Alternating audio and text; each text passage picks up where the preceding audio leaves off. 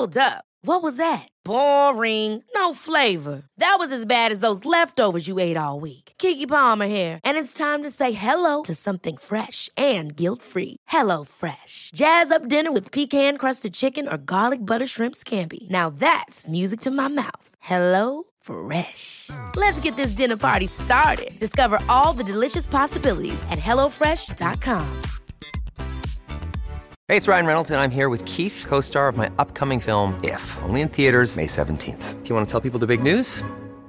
All right, I'll do it. Sign up now and you'll get unlimited for $15 a month in six months of Paramount Plus Essential Plan on us. Mintmobile.com slash switch. Upfront payment of $45 equivalent to $15 per month. Unlimited over 40 gigabytes per month. Face lower speeds. Videos at 480p. Active Mint customers by 531.24 get six months of Paramount Plus Essential Plan. Auto renews after six months. Offer ends May 31st, 2024. Separate Paramount Plus registration required. Terms and conditions apply if rated PG.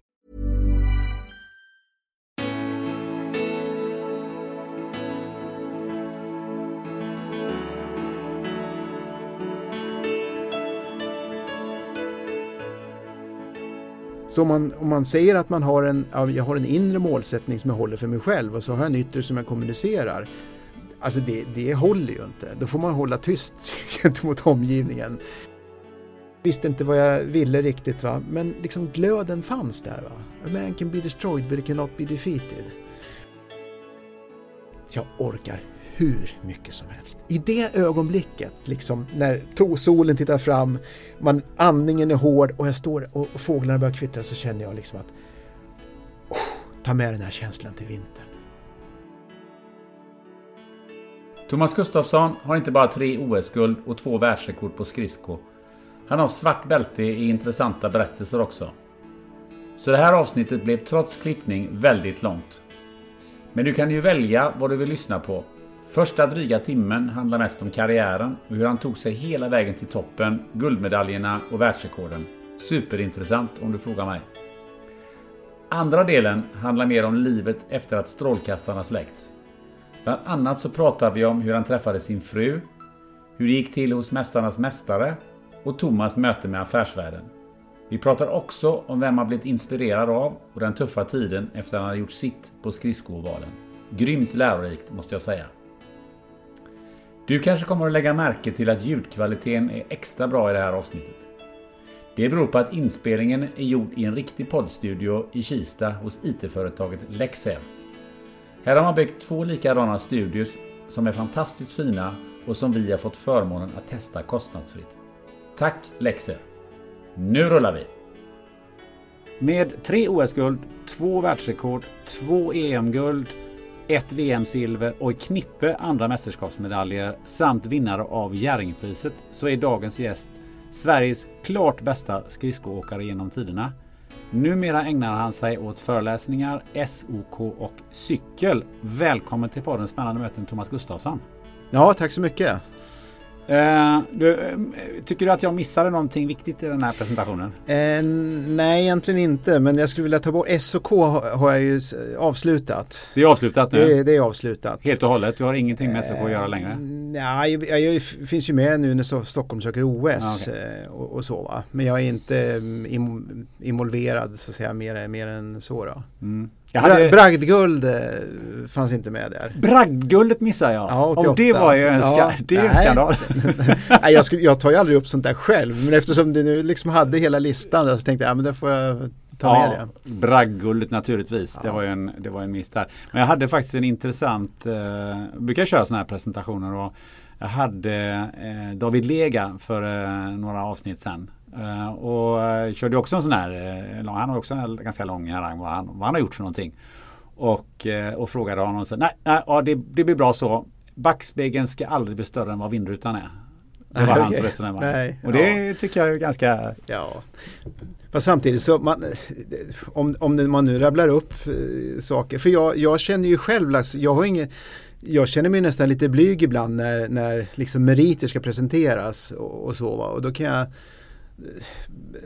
ja, men då, då kan jag känna att ja, det räcker nu liksom så här. Just det. Hur ska vi presentera dig? Ja men säg vad du vill. Ja, det är bättre än någon annan säger det. Ja. ja. Du, eh, innan vi går vidare för, så tycker jag att jag, jag måste läsa upp det sms jag fick av dig. För du har ju cyklat hit. Vi sitter ju i eh, Kista. Eh, eh, i, en, i en poddstudio här. Och då skrev du till mig så här. Det är snart dags att ge sig av. Jag cyklar så får jag dessutom lite tid att tänka igenom livet inom citationstecken. Hem blir det troligtvis regn och lite motvind. Vilket passar bra. Ja. Det, tycker, det tycker jag är, det tycker jag är ett, ett, ett, det är lite Thomas Gustafsson i ett, i ett nötskal eller är det det? Ja, men det, ibland är det lite, man får spänsta lite. Ja, jag tycker det var coolt. Ja, ja, Ja. ja. Nej, det, är väl, det, är väl, det är väl bra med, att, att, att det tjurar till sig ibland. Ja, tjura till sig, bra uttryck. Du, äh, mycket cykel blir det nu? Ja, det, det, blir, det blir kanske inte så mycket som det verkar. Jag, många människor jag träffar säger det, ja, nu, oj du cyklar mycket och så vidare. Fast det är ju det jag skriver om i sociala medier lite grann sådär. Va? Så det är inte supermycket. Men förra året kanske det blev drygt tusen mil eller något sånt där. Va? Men vad är det för mått egentligen? Då säger någon, ja cykla 2000. det finns ju alltid den där jämförelsen. Men, men, men du, du har ju ändå kört eh, Vätternrundan eh, snabbare varje gång när du ställt upp. Ja det har jag gjort. Det, det, har jag, det var lite kul faktiskt. För jag, gre, grejen var ju lite grann så här att jag kände att jag jag, hade, jag, jag kan inte säga att jag hade gått ner med i livet men jag kände att jag var ganska dålig form när jag skulle, det året jag skulle fylla 50. Alltså jag är född 1959. Så 2009, i början på det året så kände jag att det här går inte. Alltså jag, jag, jag, men inte. Kanske inte överviktig men samtidigt eh, inte jag på något sätt. Och då, då kände jag att nu anmäler jag mig till en klassiker. Så då gjorde jag det. Och så körde jag eh, Vasaloppet eh, och Vätternrundan, simmade Vansbrosimningen och sprang Lidingöloppet. Och så lite mer runt omkring. Det var som ett medel för att nå målet som var att vara i god form vid 50. Så det var liksom en liten så här present till mig själv att vara i god form då vid 50-årsdagen. Och, och, ja, men sen kom jag igång där så tio år senare nu så känner jag att jag är i bättre form nu eh, 2019 än vad jag var 2009. Så nu är present, 60-årspresenten nu då, det blir eh, toppform. Alltså, Ja, vad ska men- jag bli när du blir 70 Ja, då? men sen, sen, sen får man ta det ett år i taget. Men, ja, men det är lite kul ändå. Va? Och, och då är ju Vätternrundan det som har blivit kvar av det där. Och då eh, så konstaterade jag för några år sedan att men jag har ju cyklat snabbare och snabbare för varje år. Och, och, det, och det är klart, det har ju lite grann att göra med vem man cyklar med också. Va? Men eh, jag tyckte det var en liten kul utveckling sådär. Men, Men nu du- i år, i år blir det inget. Men du ingår något, har ingått i något lag där va? Med eh, Stefan Kesjakov och lite andra sådana här kända cyklister. Ja, Fredrik Ketjakov. Eller ja, Fredrik, precis. förlåt. Ja, precis. Ja, nej, men i- från början cyklade jag ju helt själv. Mhm. Startade 1944 och cyklade genom natten då. Och sen har jag gjort det ända fram tills förra året. Då cyklade med Skoda Cycling Team. Va? Så att, ehm, och, och det är klart att då är det ju en annan grej än när du cyklar själv. Så det går ju väldigt mycket snabbare. Hur fort gick det då? Vi cyklade på 7.29. Oj, Ja, det var, det var en fin upplevelse. ja, det måste vara, det är ju ruskigt fort ju. Vad är snitthastigheten då? Blir den? Jag vet, det är väl någonstans runt 40 va, tror jag. Jag har, Oj. inte, jag har inte räknat Det är men, rätt häftigt. Men i vanlig ordning, lite missnöjd. Jag gick ner och vila ett litet tag där bak liksom. Och, och, det är så typiskt på något sätt. Och det var en som sa det, ja men det där är Ja, jag, det, liksom det, det är ju naturligtvis jobbigt att känna så. Att man misslyckas bara för att man inte var med i rotationen hela vägen. Så. Samtidigt är det ju liksom en, eh, det är en framgångsfaktor också. Man måste ju tänka på att du hade rätt många cyklister med i det här teamet kan jag tänka mig. Och inte, inte sådana som höll på med, med, med skridsko i grund och botten. Och det måste vara skillnad om man har, cykli, om man har cyklat hela... Jo, det är klart, är man cyklist så, så har så, jag, jag kan inte kalla mig för det. Fast jag rullar ju på rätt bra Mm. ändå. Jag, gör, jag, jag, jag är hyfsat duktig i varje fall. Men du kan inte hålla, bort, hålla dig borta från det här med långdistans. Det är någonting som är... Det, det är en bra grej. Du, du har inte funderat på att köra Ironman? Nej men grejen är alltså, jag, jag har ju, jag var ju, när jag åkte skridskor så var jag duktig på de långa distanserna. Mm. Men de långa distanserna i skridskor, de var ju, det var ju 5 och 10 000 meter det var ju ja, runt sju, knappt 7 minuter. Mm. Och eh, knappt 15 minuter som man höll på då. Så, att, eh, så det är inte så långt egentligen. Och, och när man kommer in då på cykel och långlöpning och sånt där då är det ju liksom timtal Mm. på ett annat sätt då. Så att eh, eh, ja, jag tycker att det är kul att rulla på. Det, det, det, tycker jag. Jag tycker, jag tycker det är kul att köra. Alltså, jag, jag sitter ju varje sommar och funderar på om jag ska ta cykeln upp till eh, Umeå. Vi brukar fira somrarna där för min fru är från Umeå. Ska jag cykla upp? Och jag försökte för ett par år sedan. Men då tog jag naturligtvis då liksom, man tittar på kartan, ah, Sundsvall blir bra. jag var 39,4 mil och då kände jag så, ah, lite ont i vänsterknät och lite ont i höger hälsena. Men det är bra, då vet man de svaga punkterna. Ja. sen åkte jag bil resten. Men eh, triathlon är ingenting du har funderat på? Ironman? Nej, jag, alltså, jag varit lite inspirerad förra året för jag hade kompisar som körde Kalmar, mm. då, Kalmar Ironman i augusti. Men jag, alltså, jag är för dålig att simma. Och då säger, då säger allt, då, då kommer ju liksom det här hela Facebook-flödet så här. Det kan man lära sig, det, det är inte svårt och så vidare. Men, men jag, jag har inte motivationen att, att, ta mig an det. Jag tycker det finns så mycket annat att ta sig an än, än att hoppa i en bassäng eller i vattnet och försöka flyta. Jag är som en spik alltså. Jag är superdålig. Ja men Vansbro, jag frågade en kompis som, som var dålig att simma, så här, hur, lång, hur långsamt kan man simma? Liksom? Ja, jag är 1,30 sa han kan man vara så dålig? För, alltså, jag vet ju Elisabeth och min fru simmade 1997, då hade, jag tror hon hade 53 minuter bröstsim då. Så här. Och jag, hade, jag, hade, jag landade ju på 1,30. Det, det är liksom min nivå någonstans då. Och jag kommer ihåg Gunde Svans fru då, Marie, hon, hon var ju ordförande i, i Vansbro-simningen då och eh, fick reda på att jag skulle simma. Ja, Gunde har ett gäng. Liksom. Ja, det vart jag ju intervjuad innan start och så här. Starta med eliten. Det rasslade bara till i vattnet. Och såg de iväg. Och jag, jag, ja, men jag tuffade ju på där. Och alla, folk satt ju i båtar längs hela vägen. Så här, är det okej? Okay? Är det okej? Okay? ja, ja, jag, jag tuffar på. jag var ju helt ensam. Så någon Ironman blir det inte? Nej, det blir inte det. Eh, men allra först tänkte jag snacka mjölksyra med dig. Ja, varsågod. Alltså med tanke på de idrotterna som, eller den idrotten du har hållit på med och de cyklingen som du håller på med nu eh, så verkar du ha någon väldigt god relation till det här med mjölksyra. Ja, jag, jag minns en som sa för många, många år sedan Ja, det handlar ju inte om att, att och, och, att inte få mjölksyra utan det handlar om att lära sig att tåla mjölksyra. Och, och, det var ju liksom en inställningsfråga kände jag liksom så att ja, jag lärde mig väl att jag lärde mig väl att liksom, ja, men det bränner i benen och det, det, får man liksom stå ut med på något sätt. Finns det något kärleksförhållande till det där? Nej. Att man, alltså, det behövs lite mjölksyra för att må bra? Nej, inte för att må bra. Man, mår, man kan nog må, må, bättre utan men, men ja, inte vet jag. Det, jag är van att jobba på liksom. Så. Men jag kan relatera det till mig själv. Jag har ju spelat volleyboll på elitnivå. Och det är också mycket mjölksyra fast väldigt korta sekvenser. Mm. Väldigt högintensivt. Men jag måste ju ändå säga att det fanns i alla fall, kanske inte nu längre, men då någon sorts viss tillfredsställelse att ha tagit sig dit till den där barriären när man inte kan stå längre. Ja, men det är skönt att ta ut sig. Det är ju det det jag, alltså jag gillar ju, jag, jag vet inte om jag är duktig, men jag tycker att det är kul att cykla upp för.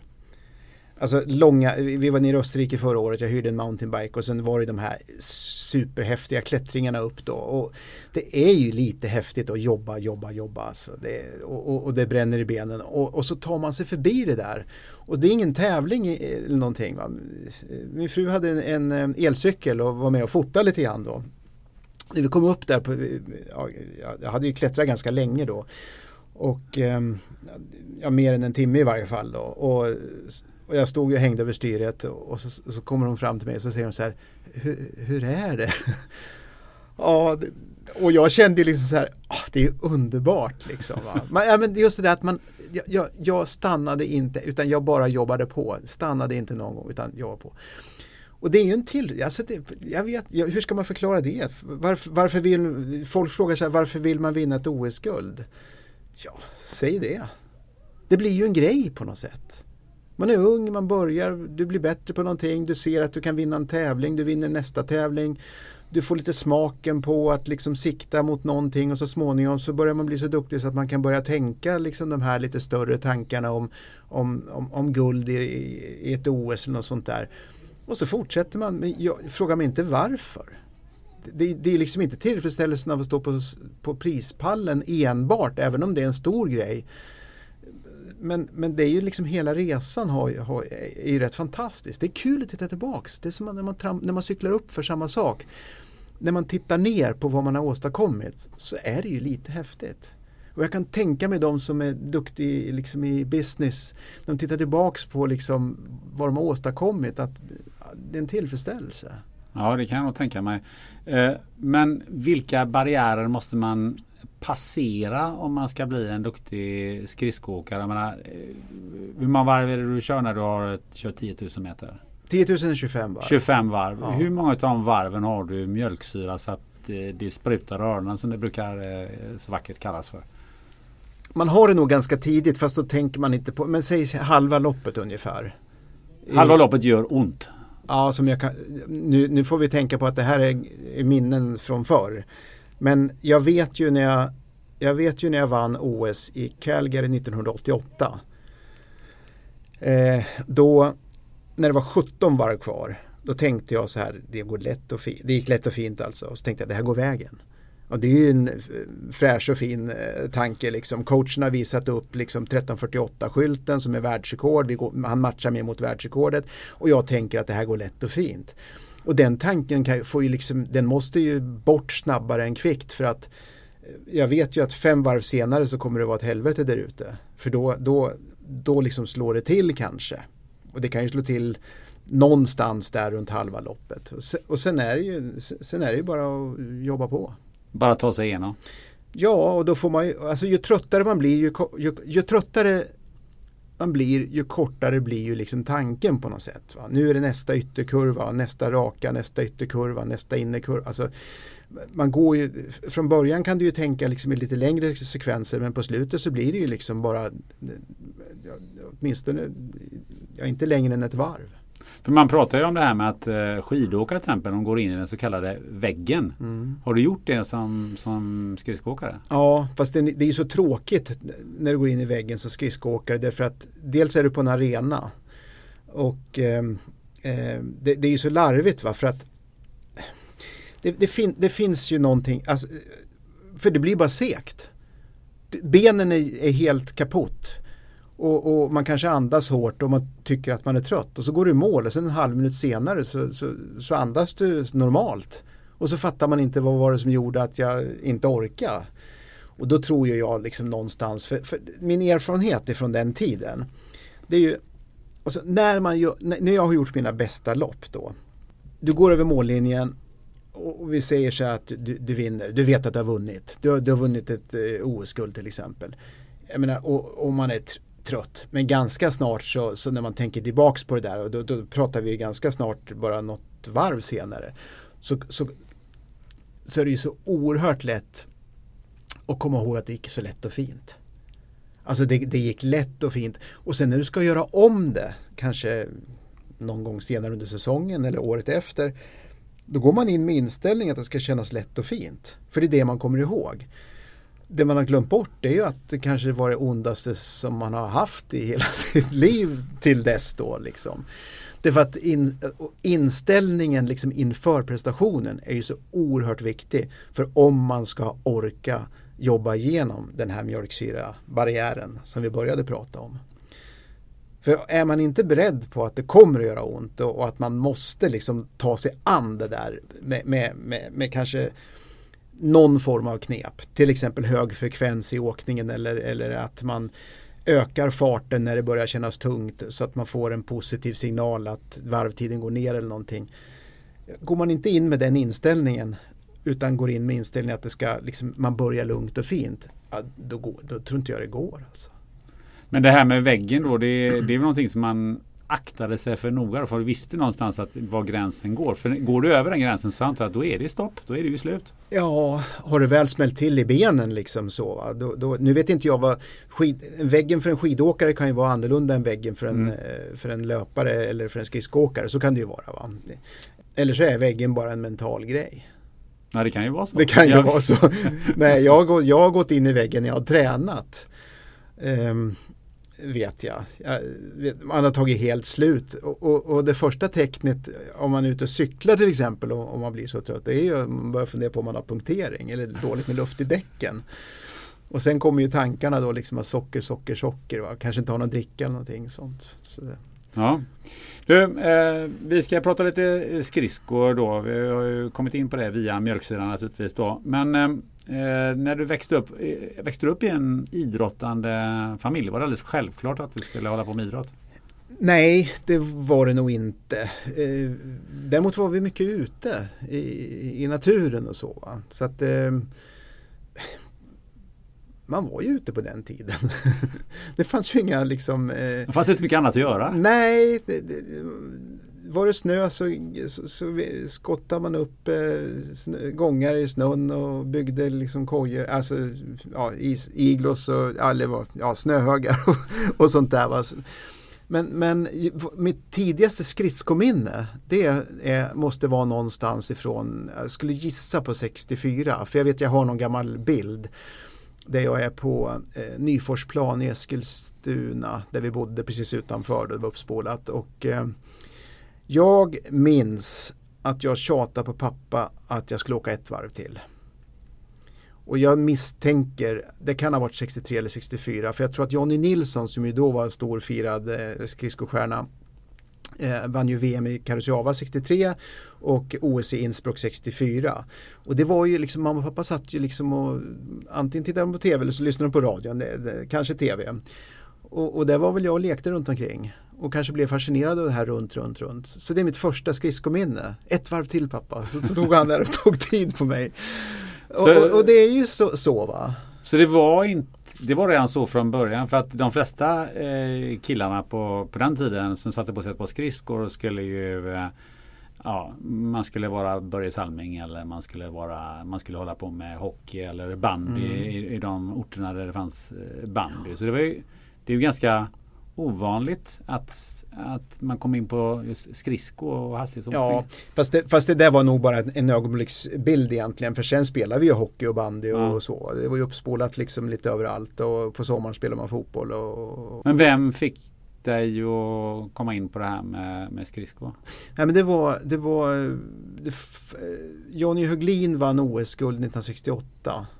Och jag hade hans syrra i syslöjd, Ingegärd när jag gick i 70 eh, på hösten. 10 år gammal. Skulle fylla 11. Då, då sa hon kom, kom upp och testa killar. Och några i klassen eh, gick, stack iväg och sa häng med Gurra, häng med. Eller Gustav kallar de mig för då i ja. klassen. Häng med och testa. Och det gick bra på en gång. Varför gjorde du det? Nah, ja men vi hade ju, vi, alltså skridsko var inte så svårt va? För vi, vi spelar ju bandy och hockey hela mm. tiden. Och eh, eh vi höll ju på med det här spontanidrottandet. Liksom. Vi var uppe i skogen och åkte slalom på miniskidor. Liksom när, när, eh, men det var ju först senare naturligtvis när Stenmark eh, eh var duktig och sådär. Men, men vi, vi höll ju på jämt. Det var 100 meter cykel på gatan, det var lilla varvet runt kvarteret, det var stora varvet runt kvarteret. Och det var liksom, det var, det var hela tiden aktivitet. Så att sätta på sig ett par skridskor och sen åka runt, runt och så gick det ganska bra direkt. Då, så det kanske hade betydelse. Jag vann Svenska ungdomsmästerskapen första året. Okay. USM i Västerås. ja visst. Var det svårt motstånd då? Eller ja, det liksom... ja, det var det. Det var ju, alltså, på den tiden var det ju fullt. Alltså det var så mycket ungdomar som höll på med skridsko. Och det var överallt. Det var Östersund, det var Göteborg, det var Stockholm, det var Eskilstuna, det var Västerås. Det var, alltså, alltså vi kan fortsätta med, med orter runt om i Sverige. Så det var ju ingen lätt match att kvalificera sig ens till, till ett ungdoms-SM. Men det gick bra på en gång. Liksom. Jag hade en fallenhet för det där. Men år två då kom jag inte ens med. Va? Så då, då lyckades inte kvalificera mig. Och tredje året kom jag sist, var Göteborg. Och sen 74, fjärde året, då var jag inte med igen. Då kom jag, var för dålig och femte året kom jag på tionde plats. Och sen sjätte året då vann jag igen.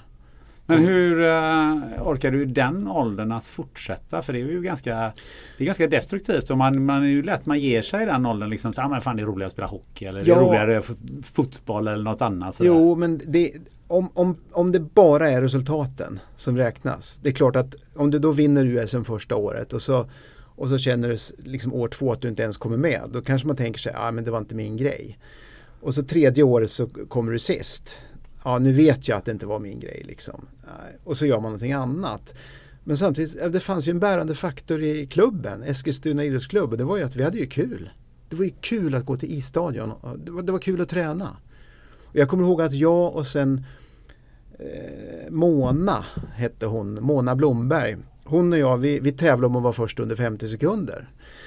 Alltså, så det finns ju andra, det finns ju liksom andra mål än, än att vinna tävlingar. Så, så det, vi hade kul. Är det för lite av sånt om du reflekterar över dagens idrott? För det är ju lätt att eh, för en del talanger att det går bra och snabbt, man utvecklas väldigt snabbt i början. Mm. Men ofta är det ju de som faller ifrån eh, som kanske var bra när de var 15 14, 15, 16. Mm. Men sen börjar det liksom ta emot för då, då får man ju mycket mer utmaningar och det, det spetsas till mycket mer. Mm. Eh, och att man kanske inte har den här sociala grunden då att gå, till, gå dit och tycka att det är kul i alla fall.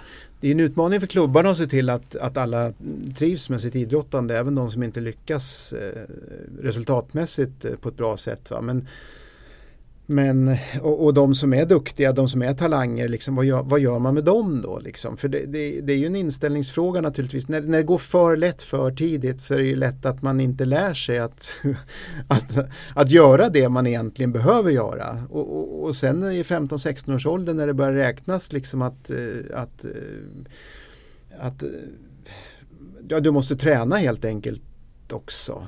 Ha en annan inställning till ditt idrottande. Det är klart att då blir det tufft för dem. Det är då de andra kommer. Precis och jag tänker på till exempel hockeyn där det är en ganska tidig utslagning av, av uh, spelare. Redan i 12-13 mm. års åldern så selekteras man bort. Och jag har många gånger funderat över om man inte tappar väldigt många duktiga hockeyspelare i den åldern. Därför ja. att man sorterar bort de som inte är bra när de är 12-13 i vissa föreningar är det, är det säkert så. Det är säkert inom många lagidrotter att, att eh, en, del, en del föreningar har fel, fel tänk. Sen finns det ju många som naturligtvis eh, har eh, rätt tänk. Jag var ju ungdomsledare i fotboll en kortare period. Då. Och det är klart man visste ju liksom att nu de här killarna som står, står på linjen här, nu, nu ska de snart in. Och då blir det tufft för oss. Liksom. Men vi hade ju ändå principen att alla skulle spela lika mycket. Sen är det klart, så stod man ju på sidlinjen där och så liksom, nu är det dags och då var de borta, då var de uppe i skogen och lekte och det är lite charmigt på något sätt. Sådär, va? Men du fick ju ganska bra betalt för det, du, ditt slit sen då, för eh, vad jag förstår så hamnade du i eh, USA så småningom.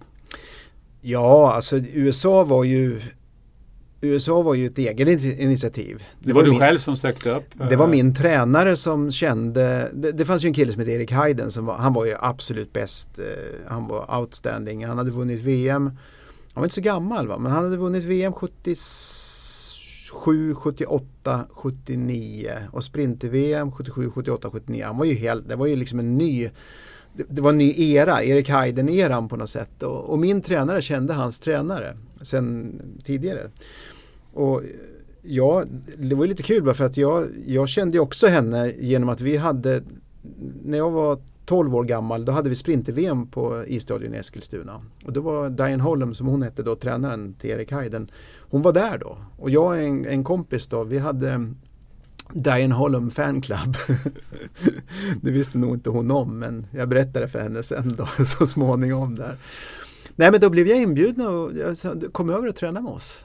Så det var ju, det var ju fantastiskt. Så jag jobbade faktiskt ihop där till flygbiljetten och så drog jag över. Hur gammal var du då? Då var jag 19.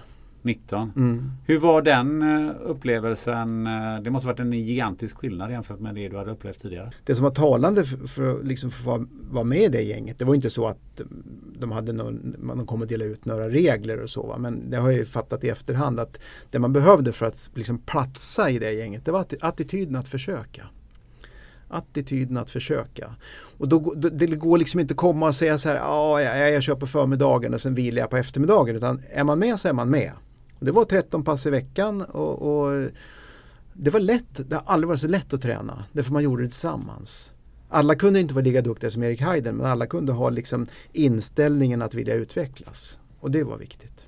Och han hade en alldeles speciell inställning för han var ju säker på att han skulle ta alla OS-guld sen ja, 1980. Han, han hade någon, eh, ja, någon men, historia där. Att nej, han, men vi, satt ju, vi, vi, hade ju tränat och satt på en gräsmatta. Tränar jag ofta, jag vet inte, det måste ju vara livsfarligt. Vi tränade runt golfbanor och förstörde ruffen där ordentligt. Men med våran skridskoövningar.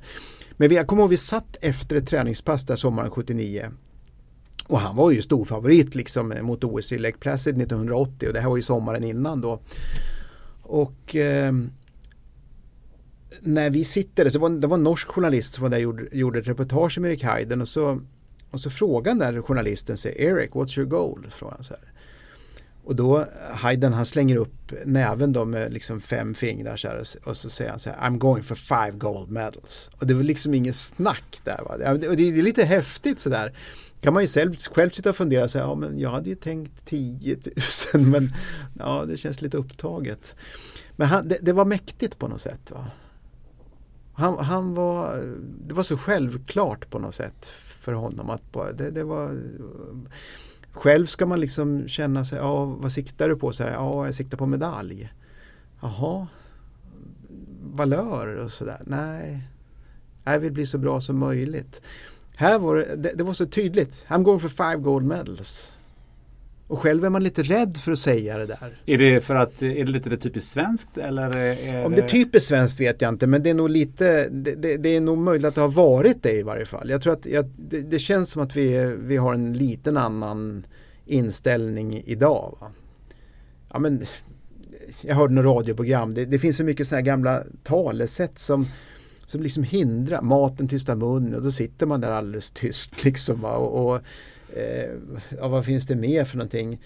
Skynda långsamt och nej men varför inte nu liksom? Nu driver vi på. Alltså det, det, det är så mycket sånt där som håller tillbaka. Och jag vet inte vad, vad det är för någonting. Ja, det är lite där med, med vad är det, det finns någonting med trädtopparna eh, som man ska, man ska Ja, sikta mot stjärnorna så når du trädtopparna. Ja, liksom. Men Hayden han slängde upp näven och sa I'm going for five gold medals. Och så, och så, Ja, och, och, jag vet ju någonstans då liksom i, i resonemang när jag varit ute och hållit föredrag sådär så, så har folk sagt, men blir man inte besviken då om man missar liksom? Ja men vad då besviken? Jag tror man blir besviken om man, om man inte ger sig själv chansen. För, för att vad man säger har ju vad man säger till sig själv har ju ganska stor betydelse. Men det man säger till omgivningen, det är ju, säger man det tillräckligt ofta så blir ju också det exakt just det man säger till sig själv. Så om man, om man säger att man har en, jag har en inre målsättning som jag håller för mig själv och så har jag en yttre som jag kommunicerar. Alltså det, det håller ju inte. Då får man hålla tyst gentemot omgivningen. För om man tänker att man ska vinna guld och sen, och sen bygger man upp någon slags ursäkts, eh, så här, liten försiktighet runt omkring. Då, då, kommer man ju, så fort man blir trött, så fort mjölkkedjan kommer när det är 12 varv kvar, ja, då nöjer man sig liksom en bronsmedalj istället, istället för att mata på. Jag hade en um, racerförare i, tidigare i eh, podden här som heter Rickard Göransson som har tagit fem STCC-titlar. Mm. Uh, det är han ensam om. Uh, och han hade ju redan ett halvår innan så hade han ju en hashtag först till fem. Jaha, ja. Och så körde han den konsekvent. Ja. Och det är, dels, dels så stressade det ju motståndarna något så otroligt alltså. Och dels så, så sa man, men det, liksom, hur vågar du gå ut där? Ja men jag vet att jag har materialet, jag vet att jag har stallet, jag vet att jag har mina mina, mina mekaniker. Jag vet att jag har allt material. Det är bara upp till mig att, att fixa det. här. Ja, och skulle han inte fixa det, vad spelar det? Alltså, om han inte skulle fixa det, skulle folk säga så här, ah, du hade den där hashtaggen och kolla hur det blev liksom. Så här, nej, det, det, man, man beundrar ju den som vågar satsa. Hur satsade du? Eh, för du körde ju också i 80 eh, då i eh, Lake Placid. Var det lite där att vara rookie på sitt första OS? Ja, men jag, jag, jag hade ju lite grann det här. Hade du frågat mig liksom, vad siktar du på? Så här, ja, där visste väl inte jag ens.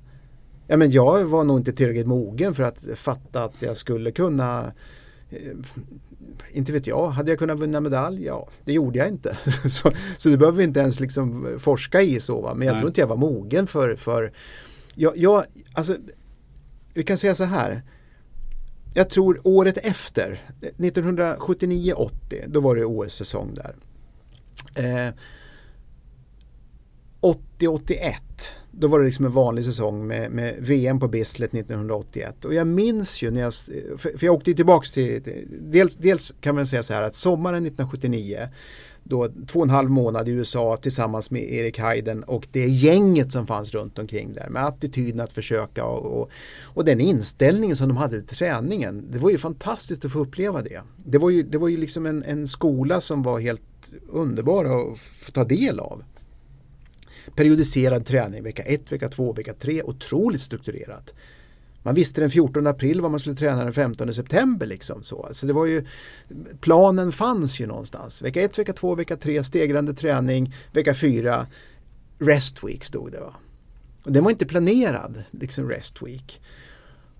Och då kan man ju säga så här, rest week, ja vad skönt, då får man vila en vecka. Jag kan säga så här, de, den, den rest weeken, det var ju tuffare än vad jag hade träffat, äh, tränat i hela mitt liv tidigare. Så att jag menar, det, det, går ju att tolka saker på olika sätt. Då.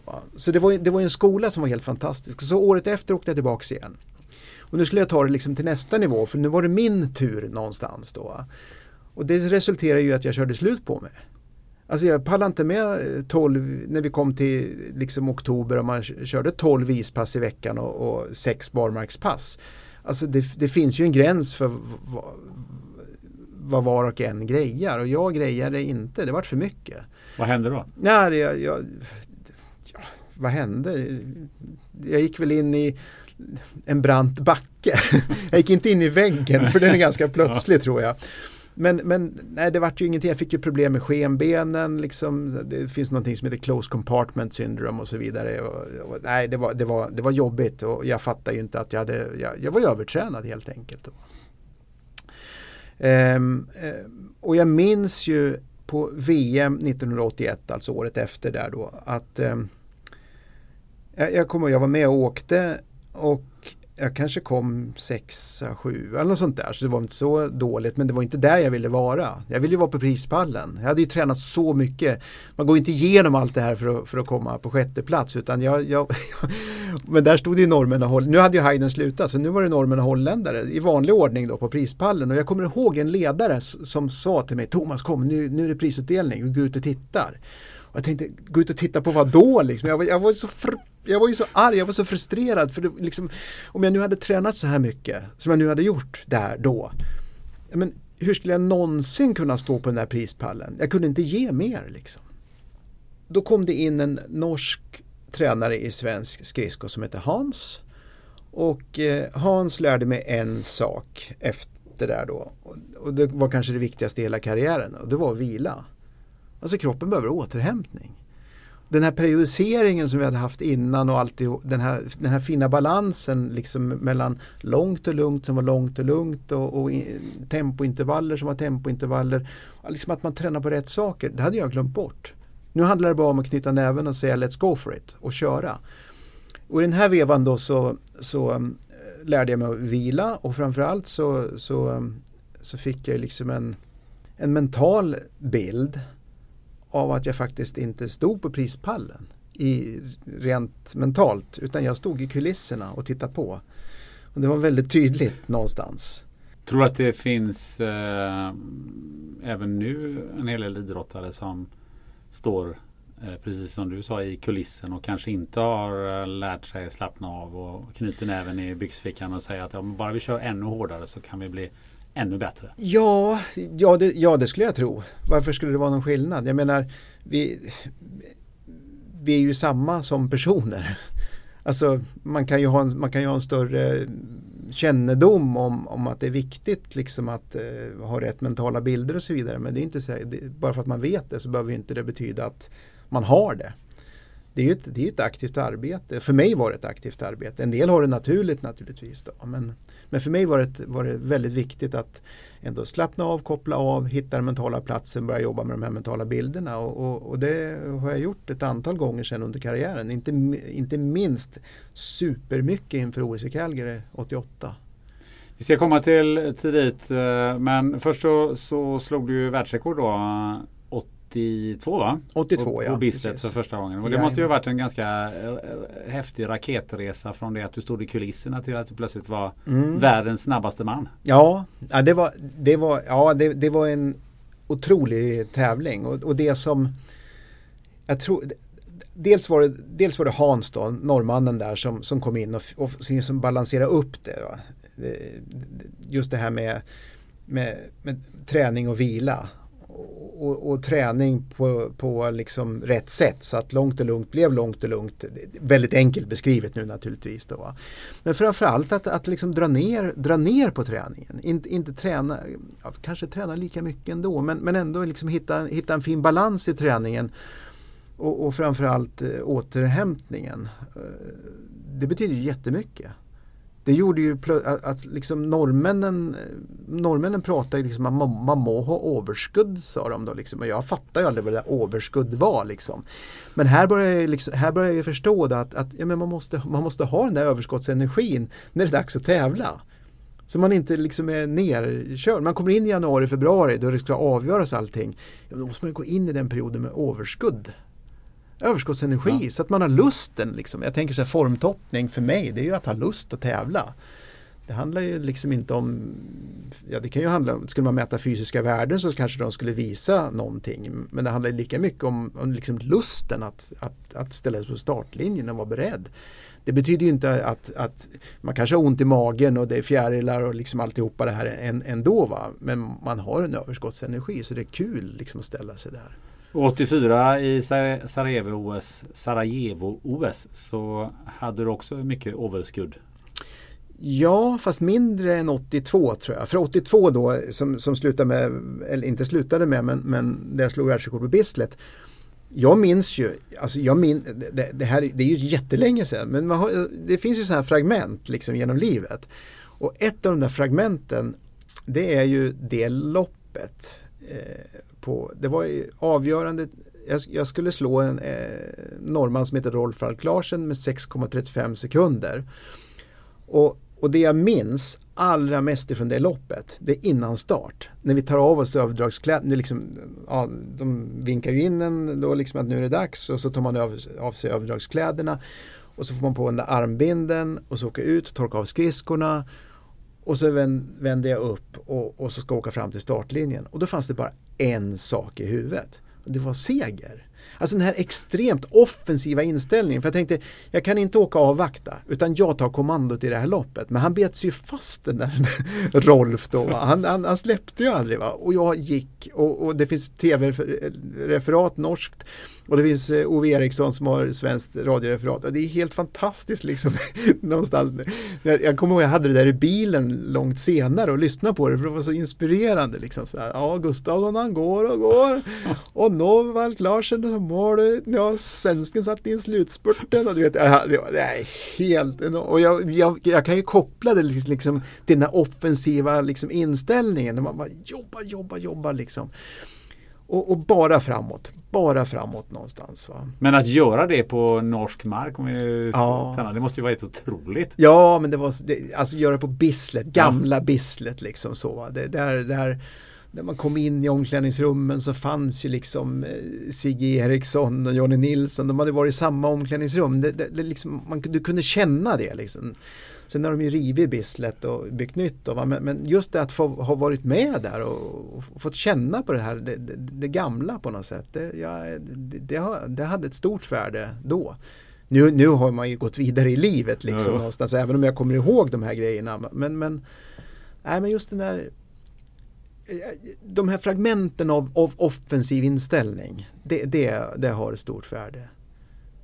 Men sen tog du dig till OS i Sarajevo då två år ja. senare. Ja. Om vi ska göra ett litet språng där. Ja. Och då hade du en hel del overskudd då? Ja, det hade jag. Men då var man inne, alltså OS är lite annorlunda än allting. Va? För då, liksom, då är det så mycket annat som, som pågår runt omkring hela tiden. Det, det, blir ju inte som när du är på ett VM när det är bara vi skridskoåkare. Nu plötsligt ska, ingår man ju liksom i ett större lag, den olympiska truppen. Och där är Tre Kronor och, och, när man går till matsalen så ja, men, då står man bakom Frans Klammer, gamla störtloppsåkaren i, i, i matkön och, och, och så. Va? Eh, fyra år tidigare då i, i Lake Placid då var det ju liksom, då, då, då höll man ju på att liksom vrida nacken av sig av alla som där liksom, ah, Sovjetunionens hockeylag sitter lite längre bort och käkar här och, och, och största minnet liksom man går med Ingemar Stenmark ifrån, ifrån säkerhetskontrollen upp till våran förläggning. Alltså det, det, du hör ju själv att när man kommer ner på skridskoisen, liksom, ah, vänta nu ska jag göra det där som jag har tänkt på, vad var det? Ja det är rakt fram och vänster ungefär. Va? I Sarajevo så, så hade jag ju mognat något mer i varje fall och, och liksom kände att det var mer fokus på tävlingen. Och som hoppar ytterligare liksom fyra år framåt till, till Calgary så var det totalfokus på, på för då, då kände jag liksom att nej, men nu ska jag vinna mitt 10 000 meters lopp. Det fanns för, inga. För det finns alltså väldigt mycket som sådär distraherar en på ett OS? Ja, jag tror att det, ja, ja, vi är ju olika som personer. En del vill ju ha den där distraktionen. Men jag, jag känner att jag, jag behöver gå in i min egen bubbla. Jag, behöver, jag, jag, behöver, jag, jag vill kunna ligga på rummet och känna liksom jag vill kunna ligga på rummet i OS-förläggningen och må gott. Och känna att jag liksom samlar energi. Jag behöver inte veta vad som händer utanför dörren. Jag är lite sådär att jag, jag, jag vill gärna veta vad som händer. Men där minns jag liksom att nej, men där låg jag och läste Hemingway och mådde gott på något sätt. Skulle du beskriva dig som ett kontrollfrik eller kontrollmänniska? Du ska nog fråga mina barn, de känner väl mig bäst egentligen så då. Men de tycker liksom att, eh, att jag är lite stressad tror jag. Och stressad av den anledningen att jag vill ha koll på saker och ting. Men då hade du bra koll i alla fall för där blev det ett guld och ett silver va? Ja, Jo, jag hade koll men jag hade också en förmåga att, att, att, att slappna av. Och, eller slappna av är en sak, va? men, men och koppla av, koppla bort. Och vara i, känna mig lugn, trygg och skön och harmonisk. Det är ingen jakt utanför liksom, utan eh, på, på att uppleva utan ja, men jag upplever, jag, jag ska åka mitt skridskolopp. Och, det, och det var en lång resa. Det var en lång resa därför att vi ser mellan 80, 84 då och 88 så direkt efter 84 så visste inte jag liksom vad ska jag göra, jag tar ett år i taget. Så där vart det lite grann. Och jag, det var EM i Eskilstuna året efter. Jag kände väl liksom någonstans att ja, jag hade ingen, jag hade ingen riktig, jag vet inte, det fanns, jag kände min pappa dog sen 1985. En, en, några månader efter att vi hade åkt EM i Eskilstuna. Det, EM hemma passade inte mig liksom riktigt. För din pappa var väldigt nära dig också. Ja, det... Dels som person men även i eh, det du gjorde när du, när du... Han var alltid med. Han var ju alltid med. Eh, från första början så, så det var inte så att de, mamma och pappa visste inte att jag hade börjat åka skridskor precis, precis i början. Men pappa hjälpte till väldigt mycket med att slipa skridskor och han hjälpte till och, när jag behövde skjuts till tävlingar naturligtvis då, men även skjuts till isstadion. Eh, mitt minne är att jag tog mig dit själv också. Men även om jag tog mig dit själv så kom han dit. Han kom dit och tittade. Han la sig aldrig i. Man kunde stå och skriva varvtider och sådär. Liksom. Så att eh, man hade fin statistik från träningen. Jag har inte kvar allt det där nu men, men han, han, han bad jag honom skriva varvtider så stod han där i kylan och skrev varvtider. Liksom. Och filma och grejer och hade sig. Men så att han, han, han var han, han, nej, men jag tror han tyckte det var kul. Och det handlar, det handlar inte bara om, om framgångar utan det var, det var jag som åkte skridskor. Och han, som sagt var han slipade dina skridskor han kom ju in i omklädningsrummet till och med i OS i Sarajevo. Jag tror prins Bertil som hjälpte till att fixa akkreditering så han kunde, kunde komma in dit och, och slipa skridskorna även där. Hur eh, upplevde du ditt liv när, när han gick bort? Vad, vad nej, hände? Var, nej, det, var, det var jobbigt. Det var, det var litet på något sätt. Va? För då var det bara mamma, jag och syrran kvar. På, eh, så. Det, det, var, nej, det, var en liten, det var en liten jobbig period. Och sen, sen Sen fick jag hjärninflammation också efter det som jag minns och så började jag få ont i ett knä. Och, alltså det var så här, kanske, ja, pappas bortgång var ju naturligtvis väldigt sorglig eh, så i och med att han hade varit så nära. Men det vart ett omständighetsliv liksom. För plötsligt så började man rikta energin till att förbundet inte gjorde någonting och att titta på norrmännen vad bra de har och titta på holländarna vad himla bra de har och, och därmed sagt liksom titta vad dåligt vi har det. Och, och, och, det är klart att börjar man tänka på det sättet då börjar man ju hitta en massa ursäkter till att inte behöva lyckas. Så det är ju en förfärlig värld egentligen då. 84 OS-guld och OS-silver. Visserligen guld på fel distans för det var ju 10 000 som jag ville vinna. Men sen 85 hände liksom med pappa och ja, hjärninflammation och de här grejerna. Och sen 86 på våren, eh, första april, så opererade, opererade jag mitt knä. Det var en kronisk inflammation. Det var ingen stor grej men liksom tillräckligt ändå, eh, kryckor några dagar och sådär och så började jag rehabträna det där. Och det, det, var tillräckligt för att stanna upp och börja fundera liksom, men är det så här man ska ha det? Och det värsta av alltihopa det var ju, det var ju just det där att man levde med massa omständigheter. Så kom jag in på en utbildning då också. Jag sökte skola, sökte internationella marknadsföringslinjen vid högskolan i Västerås. Kom in på den och, och, och då fick man ju liksom ett annat fokus. Då var det liksom inte så mycket förbundet som inte gör någonting utan nu var det tentamenskrivningar. Det var marknadsföring, det var engelsk-amerikansk historia, det var engelsk-amerikansk litteraturhistoria. Vi läste om internationella relationer och så vidare. Och jag gjorde det tillsammans med 25 stycken studiekamrater. Och de gick ju inte omkring och liksom så här, ah, skolan gör ingenting för oss. Utan här var det ju liksom full fokus på, eh, på det man höll på med. Och eh, samtidigt så var det ju faktiskt de i klassen som gick omkring med en knuten näve och skulle förverkliga sina drömmar. Ungefär som man själv hade gått omkring och tänkt runt skridskoåkandet då men sen hade ju liksom ja, förbundet inte gjort någonting och så vidare. Och, och, och då tappar man ju sugen lite grann sådär. Och, och det är ju egentligen helt fel därför att plötsligt så börjar jag tänka då tillsammans med de här studiekamraterna, vad ska jag göra?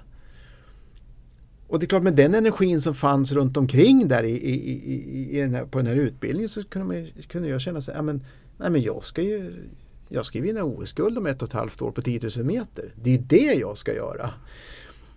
Och, och, och, då fattar man ju liksom, ja, men det handlar ju om att jag bestämmer mig. Det är ingen annan som kan bestämma det åt mig utan jag måste hitta den kraften hos mig själv.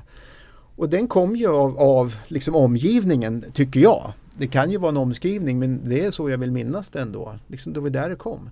Genom att jag faktiskt riktade blicken någon annanstans och umgicks med människor som hade en knuten näve liksom, om att förverkliga sina mål.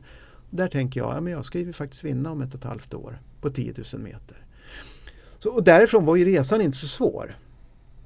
Det är jag som avgör. Men var du nära på att ta en annan väg och säga att nu får det vara nog, nu ja, hoppar jag av? Ja, ja, ja. absolut. Jag var inte med i landslaget eh, säsongen 86-87. Jag hoppade av det för jag kände att jag, jag, jag mådde inte bra av, av vad ska jag vara med där för? Med, med den attityden som jag själv känner. Men jag hade ju ändå bestämt mig. Eh, om vi tar oss fram till 10 000, det var det man skulle vinna. Ja. Det var det som var den svenska parad... Ja, det var det jag, jag, skulle vinna. Det var det du skulle vinna. Men det var ju, du hade ju några stycken historiskt före dig. Ja, ja det var det man skulle vinna. Absolut. Det, jo. Ja. ja, visst är det väl så. Visst är det väl så. Uh, och du lyckades uh, fokusera på att ta både 5 och 10 000. Ja. Och världsrekord. Och världsrekord. Och, och, då kan man ju tycka så här, liksom, ja men världsrekord spelar den roll egentligen? Ja, det är lite kul ändå. Det, dels är det ju kul naturligtvis att slå det så här. Samtidigt som man, även om det bara är med liten marginal så liksom, ja men har man, har man tagit världsrekordet då har man hjälpt till att ta liksom, åkningen totalt sett lite framåt. Så på det sättet tycker jag det känns viktigt med, med, med världsrekord.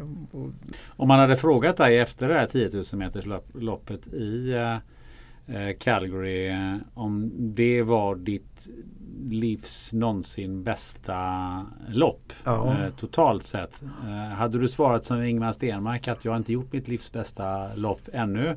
Eller är det så här efteråt kan du säga att det här var det absolut bästa loppet du har gjort? Alltså den, den nu är jag en, en självkritisk person. Då ska jag känna så här, jag böjde på huvudet när det var två varv kvar. är, det, är det där du tittar på nu eller? Nej. Du, du, du, kom, du minns att du böjde på huvudet när det var ja, två varv? Ja det minns jag ju från tv-bilder men jag minns ja. ju, ja men, du, du, ja, men du, du, kan alltid göra det du har gjort lite bättre. Och det där är ju, det, det är ju som en sjukdom liksom att inte kunna vara nöjd. Fast jag minns nog att jag var nöjd ändå. Alltså det var, det var en kamp. Men, men grejen, alltså lite så här va, att, att den resan, då, hela resan, om vi säger resan ifrån mars till februari, alltså nästan ett år då, så kan, kan jag känna så här att ja visst, jo jag siktar mot OS-guld på 10 000 meter. Det, det, det, och hade du frågat, nu var det inte så många som frågade, men hade du frågat då så hade jag ju sagt det. Ja, ja, det, det, var, det var ju det som gällde.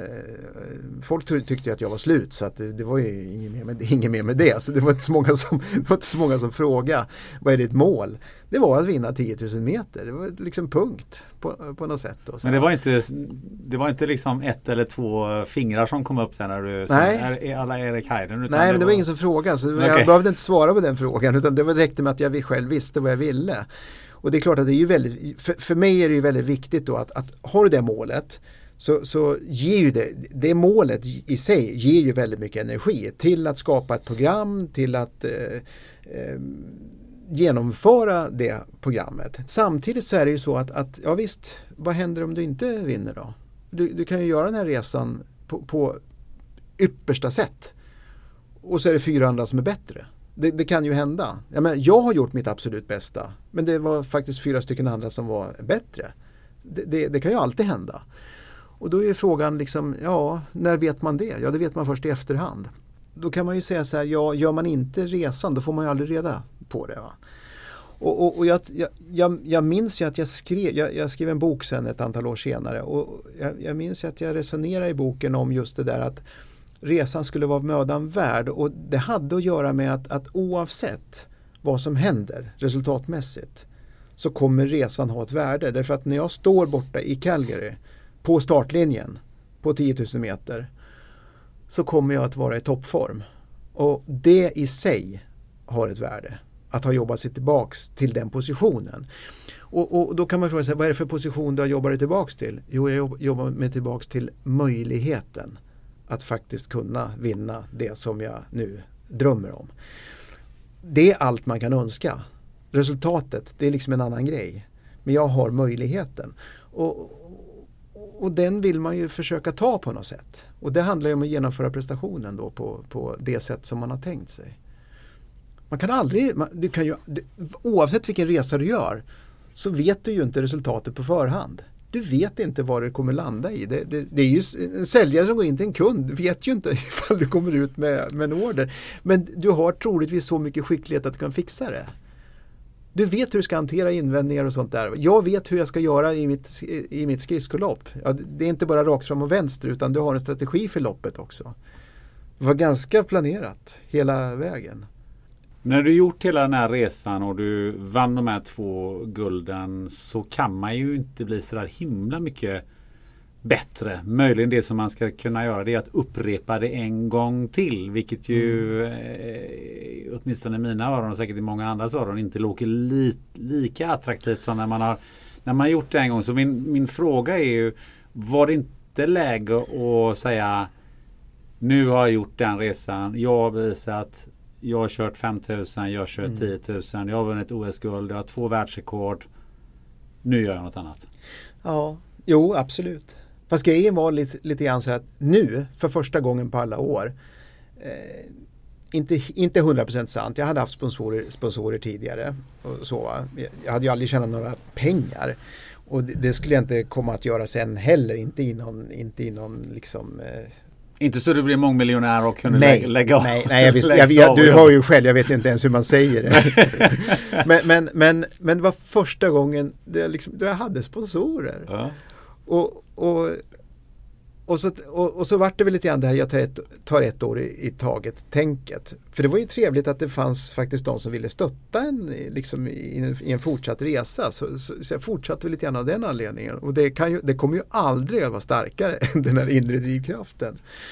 Så visst, det, det, du säger, eh, ska man sluta när man står på topp? Ja, fast på något sätt så ja, jag hoppades väl att jag skulle kunna utvecklas vidare. Men, men, men det är ju ändå, vi säger så här, om jag nu höll på, jag åkte VM, EM och VM från 78 fram till 92. Och om jag skulle ta bort, få ta bort så här, du får ta bort fyra år. Och då skulle jag inte, då skulle jag inte plocka bort kanske inte topparna. Jag skulle, plocka, jag skulle plocka bort de här mellanåren på något sätt. För de här tuffa perioderna när, man, när, när det, liksom, det, det, en, det, finns ju en lärdom liksom. De här sista fyra åren, de, de har varit jättelärorika alltså i ett rest, när jag tänker tillbaks på dem. Då kan man ju tänka så här, ja men för det första, ett år i taget. Nej, jag tror inte på det. Jag tror, jag tror man måste ha ett längre perspektiv någonstans. Därför att ett år i taget, då tror jag det är väldigt lätt att man tar fram de gamla, de gamla lärdomarna, de gamla träningsprogrammen. Eh, den gamla attityden är fel att säga för den kan ju, den kan ju variera. Men, men liksom, man tar fram det gamla och så, och så gör man det för man tror man ska kunna koka soppa på liksom den gamla spiken på något sätt. Va? Och det funkar inte därför att omgivningen kommer ju, liksom, nu kommer nästa generation va? med nytt tänk, med ny energi, med, med ny, nytt passionerat förhållande till det, det som man själv har börjat på och känner att man tycker att man kan. Och de vill utvecklas och de är nästan i kapp och nu går de förbi. Och, och, och, det är ju en ganska tuff, och, och, det klarar man ett år och så tror man nästa år så lur, det är lätt att lura sig och tro att, liksom att ja, men, ja, men jag håller mig kvar på ungefär samma nivå och så blir det ännu lite tuffare. Liksom sådär, va? Det, det, jag, jag kom trea på EM 1990 va? så det var inte så att jag inte, att jag inte fanns med. Men jag, jag, hade ju inte någon möjlighet, jag hade inte kapaciteten att vinna. Var det den fysiska eller den mentala kapaciteten? Ja, den mentala eh, på det sättet att, att eh, den ju faktiskt styr lite grann hur mycket energi man lägger in i det här. Skulle jag titta på den här fyraårsperioden och ställa mig bortom Albertville och, och, och titta tillbaks, vad har du varit med om? Ja, då, då skulle jag ju kunna säga så här, väldigt, väldigt eh, enkelt. Hur ser eliten ut nu mot hur den såg ut tidigare? Ja, nu är de starkare.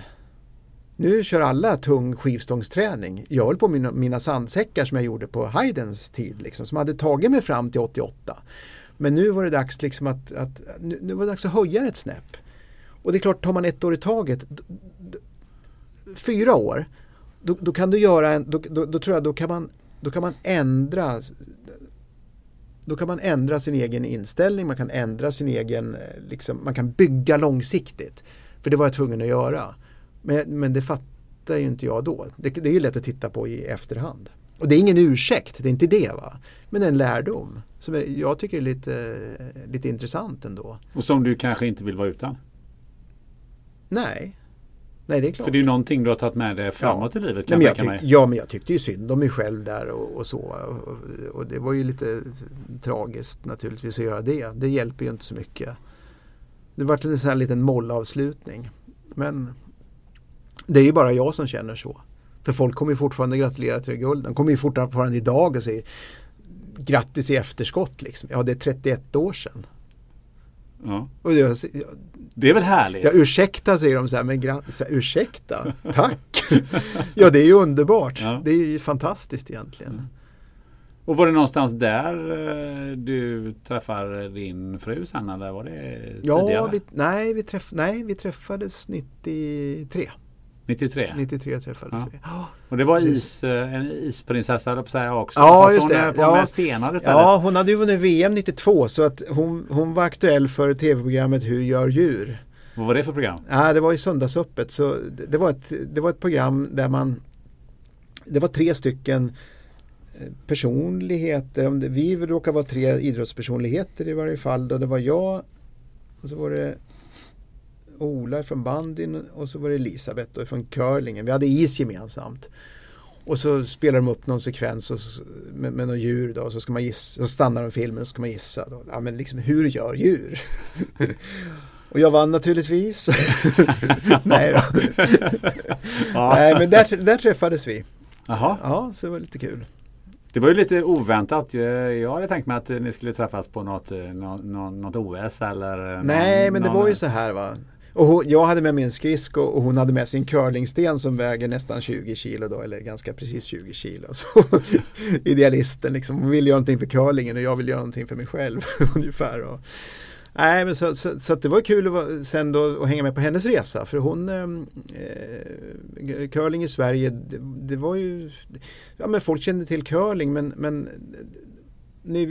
95, något år senare, så var vi borta i Kanada på VM. Som de då skulle spela. De vann VM 92, sen, sen var vi i Brandon mitt ute på eh, bondvischan. Eh, eh, mitt ute i ingenstans egentligen då. Så kommer det 350 000 åskådare. 250 000 åskådare på, tre, på tio dagar och kolla på curling. Och det var ju liksom Wow, oh Mrs Gustafsson, nice to meet you Mrs Gustafsson. Oh I like your slide Mrs Gustafsson. Det var ju, hon var ju firad stjärna. Och, du var... och jag gick och jag sa, oh and you must be the husband sa de till mig då så här, va? Och jag tänkte, jag får ju skramla med mina medaljer i fickan liksom så här, I remember Calgary. så, ja, men det, det, var helt, det var helt fantastiskt. Och se liksom att det, det var ungefär som skridsko i Holland. Det är ju det är liksom, det är fullsmackat på arenorna och det är liksom ja, det är helt enormt. Liksom. Och, och, så var det för curlingen där borta i, i Kanada. Det, det, det, det helt fenomenalt alltså. Helt. Jag kom upp på flygplatsen, vi skulle flyga hem och så kommer en sån där en, en man som kör en, en sån där bil som, när folk har bråttom till flyget. Han får han syn på Elisabeth, han tvärnitar liksom så här. Oh Mrs Gustafsson, congratulations to a fantastic victory. Liksom, och så, och så bara upp och ner och sen iväg igen så här. Man känner så här, wow, det är lite häftigt. Men det är lite grann som att du slog världsrekord på, på Bislett, det är att hon vinner ett, ett VM-guld på, ja. på kanadensisk mark. Ja. ja, de vann ju fler sen där borta. Va? De, de vann fyra VM totalt. Då. Så det var, ju kul, jag var ju med vid de här tillfällena. Då. Så det var en jättekul resa. Liksom att vara, för då kunde jag, jag hade ju inte någon träning att hålla på med sådär då. Så det var ju, det var ju fantastiskt att kunna få vara med om hennes segrar. Har du testat curling själv förstås? Ja, jag är självklart jätteduktig. Ja, okay. ja. nej, nu var det, nej, nu var det länge sedan jag spelade. Det är svårt. Ja, det, jag har testat några gånger och det, ja. det är riktigt svårt. Alltså. Ja, alltså, tänk de marginalerna som de spelar med. Va? Det är helt otroligt. Men jag har läst mig till att eh, det, är, det är mycket istid nu i, eh, och, och, har varit hos, och snötid eh, hos familjen Gustafsson. Ja, är, ja. För dina barn håller också på med någonting med, med vinteridrott. Ja, nu har de, nu har de väl slutat med det då, men eh, våran son då, William har ju gick ju skid, gymnasiet upp i Tärnaby bland annat. Då. Vår dotter håller på med konståkning så att det har ju varit väldigt mycket idrott genom livet för min del också. Skidåkning var ju, var ju kul för då kunde man ju åka lite själv också. Och så har det varit eh, mycket curling i familjen också? Ursäkta att jag är göteborgare alltså men... Eh. Ja, du tänker på att du skämtar nu? Jaha, ja, ja. jag kommer från Eskilstuna. Vi, fatt, vi fattar inte sånt där. jag tänkte när det kommer kom en sån här typisk Glenn Hysén-grej. Ja, ja, ja, ja, ja. Men hur är det med det? Var det, om vi tar det lite så allvarligt det här med så kallade curlingar. Har ni curlat era barn mycket så? Och med, med, med idrott och, och kört fram och tillbaka och så Ja, det, så, jo. Om man kallar det för curling, absolut. Ja då, jo men så, så det, visst har vi väl stöttat dem så gott det går. Men det svåra är ju att stötta utan att egentligen, man, vi, vi, vill ju inte lägga, vi har ju aldrig velat lägga några resultatkrav utan det, det har ju varit den här resan som jag gjorde i Eskilstuna idrottsklubb då. Men det är klart, det, det, var ju fantastiskt att vara med i klubben. Det, det, det var ju kul att vara på isstadion och, och det är det man hoppas att att alla ungdomar någon gång under, under liksom sin idrotts, ungdomsidrottskarriär åtminstone och även senare får uppleva att, att det är kul att idrotta. Att man tycker det. Det är ju det som är grunden.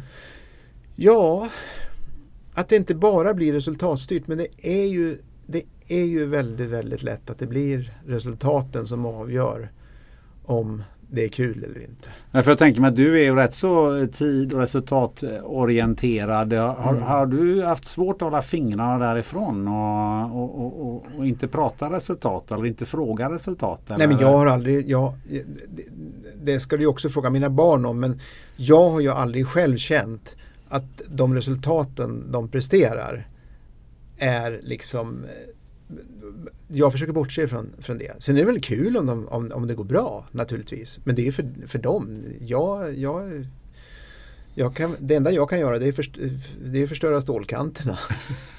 Jag har konstaterat sen att jag kanske inte, det kanske inte var jag som skulle ha slipat skidorna men å andra sidan sett så eh, kanske det inte är det som avgör om det går bra eller dåligt alla gånger. Men det här med tävling, eh, du har ju varit med på en del tävlingar efter din eh, karriär. Bland annat så har du varit med i det fantastiska programmet Mästarnas Mästare. Ja. Hur upplevde du det? Nej, det var svårt. Jag, jag, jag, jag trivs inte riktigt i, i såna, den typen av program. Varför det? Nej men jag vet inte, jag blir, jag blir stressad eh, i de där momenten. Jag, jag känner en stress liksom. Jag, jag kan känna stress. Jag, kan, jag, jag, minns, jag minns vi hade något moment där man skulle, man skulle gå ner för, eh, vi var på Malta, man skulle gå ner för trappor, räkna trappstegen, man skulle räkna blomkrukor på sidan och man skulle räkna balkonger innan gränden. Och så skulle man komma ner och så stod Micke Leijnegard där och så var det liksom då trappsteg, eh, hur var det nu, trappsteg minus balkonger. One size fits all seems like a good idea for clothes until you try them on. Same goes for healthcare. That's why United Healthcare offers flexible, budget friendly coverage for medical, vision, dental, and more. Learn more at uh1.com. It's that time of the year. Your vacation is coming up. You can already hear the beach waves, feel the warm breeze, relax, and think about work. You really, really want it all to work out while you're away. Monday.com gives you and the team that peace of mind. When all work is on one platform and everyone's in sync, things just flow wherever you are. Tap the banner to go to Monday.com. Many of us have those stubborn pounds that seem impossible to lose, no matter how good we eat or how hard we work out. My solution is PlushCare. PlushCare is a leading telehealth provider with doctors who are there for you day and night to partner with you in your weight loss journey. They can prescribe FDA-approved weight loss medications like Wagovi and Zepbound for those who qualify. Plus, they accept most insurance plans. To get started, visit plushcare.com slash weight loss. That's plushcare.com slash weight loss. Plus, aj, aj, aj, Ja, det ska vara någon rebusar. ja, ja. Någon, någon. Det brukar jag alltid ha den här typen av grejer. jag känner, det, det, där kan man inte, jag, jag kan inte lägga ihop två plus två i sådana här sammanhang då. Och sen hade jag ju räknat fel då på, på eh, balkongerna, hade räknat med ett bur, burspråk och då går det ju inte att få rätt. Och så hör man folk liksom, nu är vi färdiga och så, nästa, så känner man, det är bara jag kvar. och det kändes liksom så här, nej jag vet inte. Jag, jag, jag, jag, jag, jag, jag, alltså jag trivs inte riktigt. eh, Men blir du störd av den här eh, tävlingshetsen på en tävling som du egentligen inte Nej, fast- behärskar riktigt? Nej, fast, ja, fast ja, så, ja, ja, så kanske det är. Eh, För jag, jag kan ju känna, att- jag var med i ett tv-program som heter Det största äventyret. Just det. Där vi var, vart droppade mitt ute i vildmarken. Det var jag och så Per Elofsson, eh, eh, Sofia Mattsson och eh, Erika eh, Johansson. Vi var ett lag. Och det var ju helt fantastiskt. Alltså vi, vi var droppade mitt ute i ingenstans och vi ska hitta tillbaka till civilisationen och vi har 52 timmar på oss. Jag tyckte det var, det var ju det är ju också en tävlingshets egentligen hela, hela tiden då sådär. Man, och, eh, det mal på, men då är det liksom, då, det, det är en annan grej på något sätt. Det är en annan grej. Det, det, man gör det tillsammans, jättekul att göra det tillsammans liksom. Sen råkade du hamna i ett gäng också med, med eh, en kille som jag kan tänka mig stressar eh, lite grann. Den gode herr Sjöberg som... som Ja du menar på Mästarnas Mästare? Ja, ja, fast jag, Eller framställer man bara det så? Patrik är ju, alla, vi säger så här, alla är, ju, alla är vi ju olika. Och, och jag, jag tycker, alltså vi, vi hade ju, jag och Patrik var ju tillsammans, vi hade skrivit böcker 94 och ute. Jag kommer ihåg vi snackade, liksom, då var ju han ganska tuff på den tiden. Liksom, sådär. Han hade ju den jargongen på något sätt. Så. Men det fanns ju en idrottskille där under naturligtvis. Då, som jag, jag, ja, vi snackade rätt mycket liksom, om, han, han pratade om sitt höjdhopp. Jag liksom förstod eh, varför han var höjdhoppare. Han, jag tror han gillade att växa in i tävlingen. Liksom. Den bör, det, hon han var ju otroligt duktig men jag vet inte äh, jag vill inte prata så mycket om, om, om, om just eh, Patrik sådär. Men det vart ju en situation där jag kände liksom att ja men ja, vi stod och tittade på den här tavlan och så sa jag så här, ja men om jag eh, skulle få utmana någon, då, då vet jag vem jag skulle utmana. Det var ju lite halvt på skämt va, sådär men eh, ja vem då säger han då, stod längst bak. Ja det är ju Patrik. Så här, liksom. ja. Och det taggade ju han igång på. Sen vart det ju liksom helsidor i Expressen, Aftonblad, eller i Aftonbladet i varje fall. Och, och det där har förföljt lite grann sen. För jag, jag, jag minns ju en senare situation då det här var 2009 kanske. 2010 i varje fall så var jag på OS i Vancouver och då, hade, då vann Charlotte Kalla eh, ett eh, guld. Hon kanske vann flera där, jag, jag, minns inte exakt. Men hon hade vunnit guld i varje fall och, och, och då hade Patrik uttalat sig i tidningen och, och eh, inte gett henne någon chans och hon har inte chansen och sånt där. Va? Och, och, och så kom Aftonbladet och, och liksom konfronterade mig då med vad Patrik hade sagt där. För de kommer naturligtvis ihåg att de har haft helsidor så de tycker ju om sånt. Och, och, och eh, då stod vi i, i, i presszonen där då. Och jag var där tillsammans med Lena Adelsson eh, som ju då var kulturminister. Och hon hade med sig en tjänsteman som då sticker fram eh, liksom, eh, ansiktet över min axel då när, när, ja vad säger du om Patrik då som tycker så här om, om Charlotte Kallas, präst, liksom, han gav inte henne chansen. Och då säger den här, han är värmlänning, och så åh själv gubbjävel då, så säger han. Vad sa han får väl säga som Wassberg, åk själv gubbjävel, sa han då. Jag sa ingenting, för jag tänkte, säger jag någonting, då blir det liksom en hel sida, ja vad, vad, vad vart det? Det vart, åk själv gubbjävel. du hade sagt Som om jag hade sagt det va, liksom. Ja, det och, då var det igång, och då var det igång igen och jag liksom hade, jag, men jag, fine, jag menar, jag, sen får jag ju mail då, så, det var inte Wassberg som sa det utan det var Arthur Häggblad som sa det till landshövdingen i Jämtland efter en fem mil på skidor 1955. ja, då fick man ju en massa korrigeringsmail där också då. Va? Så. Jag trivs inte i de där situationerna. Jag gillar inte konflikter på det sättet. Som inte finns egentligen heller. Nej, det är väl ett sätt att sälja lösnummer eller att ja, eh, klick, clickbites som man ja, kallar det för nu. Det, vi, tycker, vi tycker olika om det, tror jag. Dessutom. För i övrigt har det ju inte varit direkt rubrikernas man på det sättet mer än mm. för dina idrottsprestationer i alla fall vad nej. jag har kunnat läsa mig till. Nej, det, nej, det har inte varit så. Jag funderar lite grann på uh, hur, vad, vad, hur ser du i allmänhet på det här med, med uh, dels pressen men Eh, i relation till hur det är nu. För nu är det ju väldigt mycket som är ute på sociala medier. Det fanns ju inte riktigt på, på din eh, aktiva tid och, och, det fanns ju lite grann utav det eh, då 2009-2010 det, det, vi pratade om alldeles nyss. Men mm. hade det varit idag så hade det varit ett, helt, ett annat drev. Fast kanske inte bara i, i de traditionella medierna utan, utan på en del andra eh, plattformar.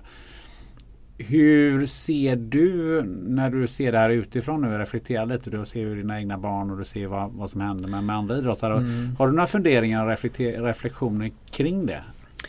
Ja, alltså jag tycker, ja, jag, jag, på något sätt håller det på att spåra ur. Alltså det, det är ju det, det, är så lätt att sitta bakom sin skärm och tycka en massa saker som är helt Det är inte ogrundat men, men, men det är dumt. Jag, jag, minns, alltså jag minns 1980, då jag hade åkt mitt första OS. Jag kom sjua på 1500 meter, jag kom tolva, tolva. Och folk tror då, sitter hemma och, och tror att man ska ta medalj. För det hade gått ganska bra på EM någon vecka innan. Och så var jag ute i Eskilstuna eh, och stod i en eh, kö till korvkiosken. Och så är det en gammal klasskompis som, som säger ah, Fan Gustav! Fan här, eh, jävla, fan vad dåligt det gick ropar så här då liksom så här. Här är man hemma från festen för att kolla när du ska åka och så blir det bara skit av det liksom. Och så tänker jag så här, ja visst, ja, men nu när du tar upp det här med, med Facebook eller sociala medier i, i, största allmänhet. Och det är klart att sådana kommentarer, ja, men jag kan väl stå ut med det när det kommer liksom direkt på ett sätt så. Men tänk, tänk nu liksom om när, när det kommer som horder. Och det var ju väldigt milt. Jag tror, jag, skulle, jag, tror, jag tror jag skulle ha väldigt tufft att leva i den världen. Alltså. Jag kollar ju aldrig vad det står om mig själv. Du gjorde inte det då heller? Nej, inte, inte direkt då. Nej, väldigt lite i varje fall. Väldigt lite. Men det måste vara mycket svårare att skärma av sig idag än vad man Ja, jag, då. jo, jag, jag tror ju det. Va? Jag, jag tycker det är, lite, det är, det är lite tråkigt när det liksom, jag tycker ändå folk gör sitt bästa så ändå får de skit. Det går så fort. Va? Det, det, det, liksom, det, det går så extremt snabbt. Och det bara matar på. En vettig diskussion, jag menar, i vilket forum som helst, någon ställer en, en, en, en normal fråga men det kanske råkar vara i lite, lite, lite fel forum. Och så kommer första kommentaren som är okej, så kommer andra kommentaren som är okej, okay, okej, så kommer tredje kommentaren som är lite elak och sen, sen spårar det ur. Det spelar ju liksom ingen roll, det kan vara eh, forum om matlagning kanske. Eller vi som älskar landsvägscykling eller någonting annat. För att inte tala då om alla de här personliga påhoppen som blir i, i, i, i kommentarer i, i media. Liksom. Ja, det måste vara rätt tufft eh, för många idrottare idag. Särskilt de här idrotterna Ja. som är väldigt publika, så som fotboll till exempel. Ja. Att man följer varenda ord någon säger. Ja, ja, ja visst. Och alla tar sig friheten. Ehm, Ja, det, är svårt att, det, det är lite svårt att kommentera för att det är så massivt på något sätt. Och jag förstår ju liksom att det som jag ser eh, när jag pratar om de här, de här små här, tråkiga kommentarerna. Det är ju ingenting mot de här taskiga kommentarerna som liksom bara flödar på. Liksom. De som blir utsatta för det. Liksom. Det, det, det, tycker, det, det, det, det är ju allvarligt och sjukt. Förutom ditt engagemang i, eh, i SOK eh, som ju inte är vad jag har förstått då, du sitter inte kvar i styrelsen i alla fall nu men du har ändå ett, eh, en viss koppling och du åker på, på de olika OSen. Eh, Ja, fram till, 20, fram till ja, För du har varit med i Kungaparet och du har haft lite VIP-arrangemang ja, genom, genom min roll som vice ordförande i SOK Okej. fram till 2012 Mm. i London. Det var sista gången. Då. Man, kan, man kan ju se så här, ja vilka fina semestrar du fick liksom på OS. så. Ja visst, jo det var väl fantastiskt att komma dit så med, med en, en otroligt fin akkreditering och, och, och så. Va? Men, men det var ju också ett arbete som under en period där så, ja men jag la nog skulle jag tro två månader per år. Och då ska man komma ihåg ändå att, att liksom SOKs arbete det är ju helt icke-arvoderat. Mhm. Det, är ingen, det finns inget arvode så att säga i, i de sammanhangen och i, i, eh, inom IOK så fanns det ett dagstraktamente men det är ju ingenting som, det är ju liksom ingen lön som du, du, du lever på. Det ersätter ju inte en, en, en förlorad arbetsinkomst. Liksom. Så det är ju ett engagemang som, som kommer ifrån hjärtat. Men det du lever på idag och som också kommer från, från hjärtat det är ju alla dina föredrag som du håller. Ja. ja, det har jag gjort genom åren. Det har jag hållit på med sen Ja, jag, kan, jag kan inte minnas, alltså, jag höll på innan 94 men jag kommer ihåg att det, det, jag, jag fick ett uppdrag ehm, eh, 41 och en halvdagskurser att genomföra tillsammans med en annan konsult. För allt det här som, som vi har pratat om nu det kan jag tänka mig att det har du som wrappat ihop till de föredragen som du håller idag. För det, är ju mängder med erfarenheter som du har gjort på, på olika plan. eh, Allt det vi har pratat om här. Ehm, men vad är det för någonting i dina föredrag som du vill förmedla eller som du vill inspirera? Vad är kärnpunkten i de föredragen som du håller normalt sett? Jag, tro, jag, jag tror ju någonstans att det som eh, jag kan ju kalla det för inspirationsföreläsningar. Jag har ju jobbat, jag har ju jobbat även med alltså lite mer processinriktade uppdrag. Så, va? Men om, om vi tar en, en, en generell föreläsning så kan man ju tycka sig, ja men han pratar om mål och motivation och de här sakerna. Men jag vill ju beröra, alltså jag tror ju man kan ju tycka liksom säga, ja idrotten har så mycket. Ja, men det har andra områden också. Det, det, det är inte så att idrotten har svaren på allting. Men, men det, finns, det finns ganska fina jag, jag, jag har ett antal fina berättelser som jag tror kan inspirera människor att om man står och funderar på att ta ett steg, ja men ta det steget. Och det kan ju vara eh, det kan ju vara en idrottspersonlighet som ska ta ett steg framåt eller det kan vara en säljare som, som liksom ska lyfta telefonluren eller det kan vara en, en avdelning som behöver liksom börja samarbeta bättre. Alltså någonstans så, så tror jag att jag, ja, men jag hjälper folk att, eh, skulle man prata fotbollsspråk, så lite grann att komma fram ur passningsskugga. För det är ju oerhört lätt att, att liksom glida in bakom och inte behöva ta ansvar för sin position. Är det vanligt? Upplever du? jag tror inte det finns utrymme för det på samma sätt som det kanske fanns förr lite grann. Men, är men, det svårare att komma ur passningsskuggan idag tror du? Alltså jag vet, jag vet inte det. Det är så lätt att, att, att sitta och, och tro en massa saker men eller vad upplever, men, vilken känsla får du när du möter människor ute? För jag antar att det är ett mycket företag som du är ute ja, på eller? Ja, jag ser, sorts... jag, ja, men man ser ju liksom att, att en, en, en nyckel är ju kommunikation naturligtvis. En nyckel är att, att man har en, en, ett, ett bra samtalsklimat och att man förstår varandra. Och att när man, när man kommer överens om saker att man faktiskt eh, försäkrar sig om att alla har fattat vad, vad det är som man faktiskt har pratat om. Jag tror många gånger man pratar förbi varandra. Man törs inte ställa frågor för man förväntas veta mer än det man egentligen vet. Och törs man inte ställa frågor, ja då kanske man aldrig får den där tydliga bilden. Om man inte har den tydliga bilden, hur ska man då kunna få fram all den energin som krävs för att göra det man ska? Det är därför jag brukar lite skämtsamt kunna säga liksom, ja men skridskor är inte så svårt, man åker rakt fram och vänster. Ja visst, det, det gör man. Men man gör det, man gör det i trikå. man, är ganska, man är ganska naken och man ska göra det på, på, liksom på ett vasst sätt. Alltså, ja, det är ett dumt exempel kanske men, men Alltså min fundering är, och det här har jag hört från, från många, både människor som jag intervjuat i podden och andra som jag har pratat med, just det att komma ut i passningsskuggan som du eh, formulerade här. Det handlar ju också om att våga komma ur den, den passningsskuggan och att det finns en miljö på ett företag där de här människorna som faktiskt inte gillar att stå i passningsskugga eh, får blomma ut. Mm. Eh, för annars går de under eller så sticker de därifrån. Och de här människorna är, har ju faktiskt ett värde som man många upplever idag inte tar man tar vara på ute på företagen och framförallt är ofta en, en ledningsfråga. Har, har du liknande upplevelser, liknande tankar? Man kan väl säga så här. Det, jag, jag, jag kan väl känna ibland att man kommer in i, jag, jag har varit i stora organisationer ibland och de har, då har jag inte jag träffat kanske den stora organisationen, jag har träffat någon avdelning. Då kan jag känna liksom att ja, men den här ledaren är ju inte intresserad av, av medarbetarna utan den ledaren är intresserad av att ta nästa steg själv. Och, och, och det, det, för mig är det helt oförståeligt. För jag tycker ju liksom att det borde finnas någon ovanför där som ser vad man gör med gruppen. Inte, alltså, och, och, då handlar det liksom om att, att få människor att, att, att eh, ja, du beskrev det som att blomma ut, men att, att kunna göra sitt absolut bästa, liksom, kanske gemensamt om, om det nu är en sån organisation där man behöver göra det. Det handlar inte om att leverera ett resultat till varje pris för att man ska kunna liksom hoppa till nästa pinne utan eh, det handlar om att göra någonting bra utifrån hjärtat. Det handlar väl också om att bejaka olikheterna som personer har i en grupp? Ja, det är nog ganska tufft på många ställen man kan ju, alltså, jag vet, jag, jag, jag, jag minns vid ett tillfälle, jag kom in i ett rum. De hade konferens, de var, de, de var 13 stycken.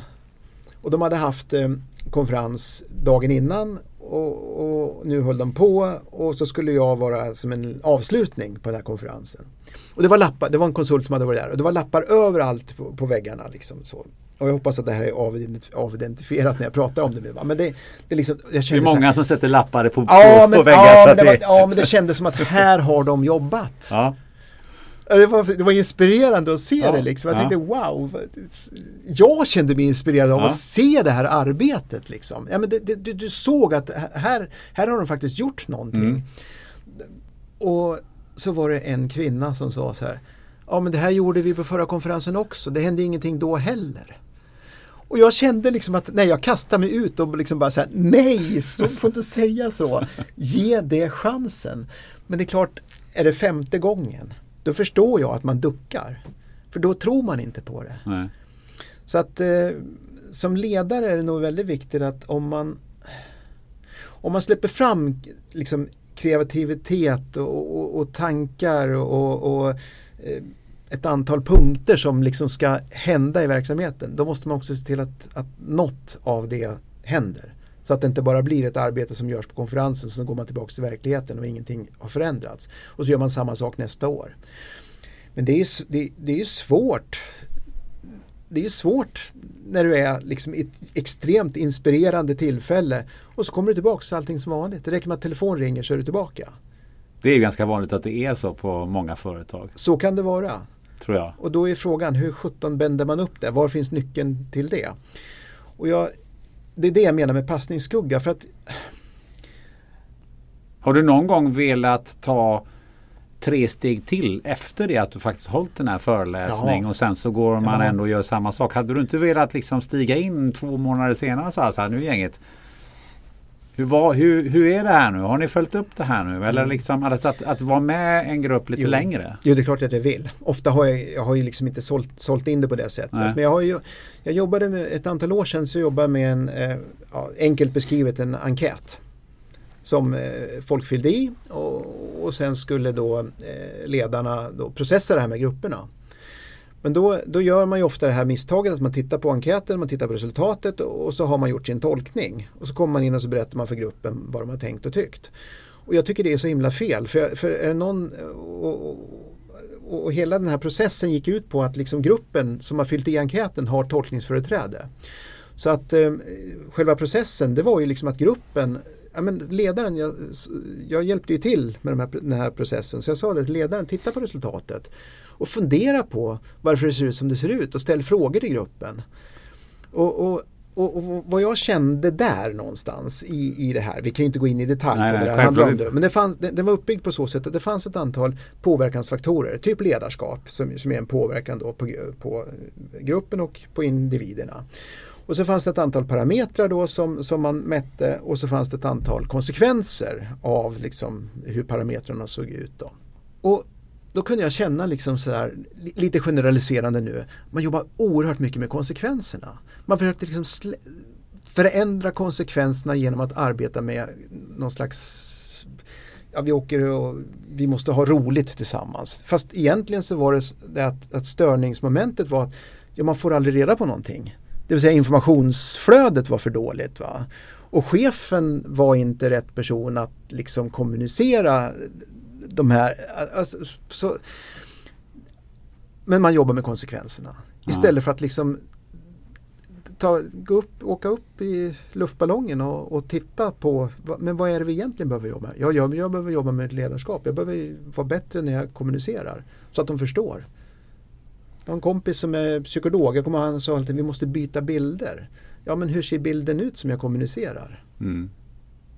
Ja, men Du- vet om, ja, men vet om det står så här, vi har tagit fram en vision och så, och så sitter det 200 pers. Och så har ledningsgruppen tagit fram en vision, jättebra. Ja, men det ju helt, kan ju vara helt okej. va. Men sen när vdn ska pres- presentera den här visionen så vänder sig vederbörande om och läser ifrån då den här stora ljustavlan då, liksom vi ska vara bla bla bla. Så. Och då tänker jag så här, men om inte han vet vad som står där, hur ska då, hur ska då de kunna liksom känna att det är det där som man strävar mot? Och det, det, alltså, sådana exempel finns det ju många. Men sen har du absolut. de här fantastiska ledarna så liksom man känner att det, det, liksom, det bara växer ut i rummet. Mm. Du inspirerar ju många men vem har du blivit inspirerad av själv?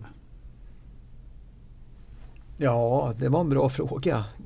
Men ganska många, alltså det, av, av, av många i omgivningen. Alltså, vad, Vilka jag är dina jag- stora inspiratörer?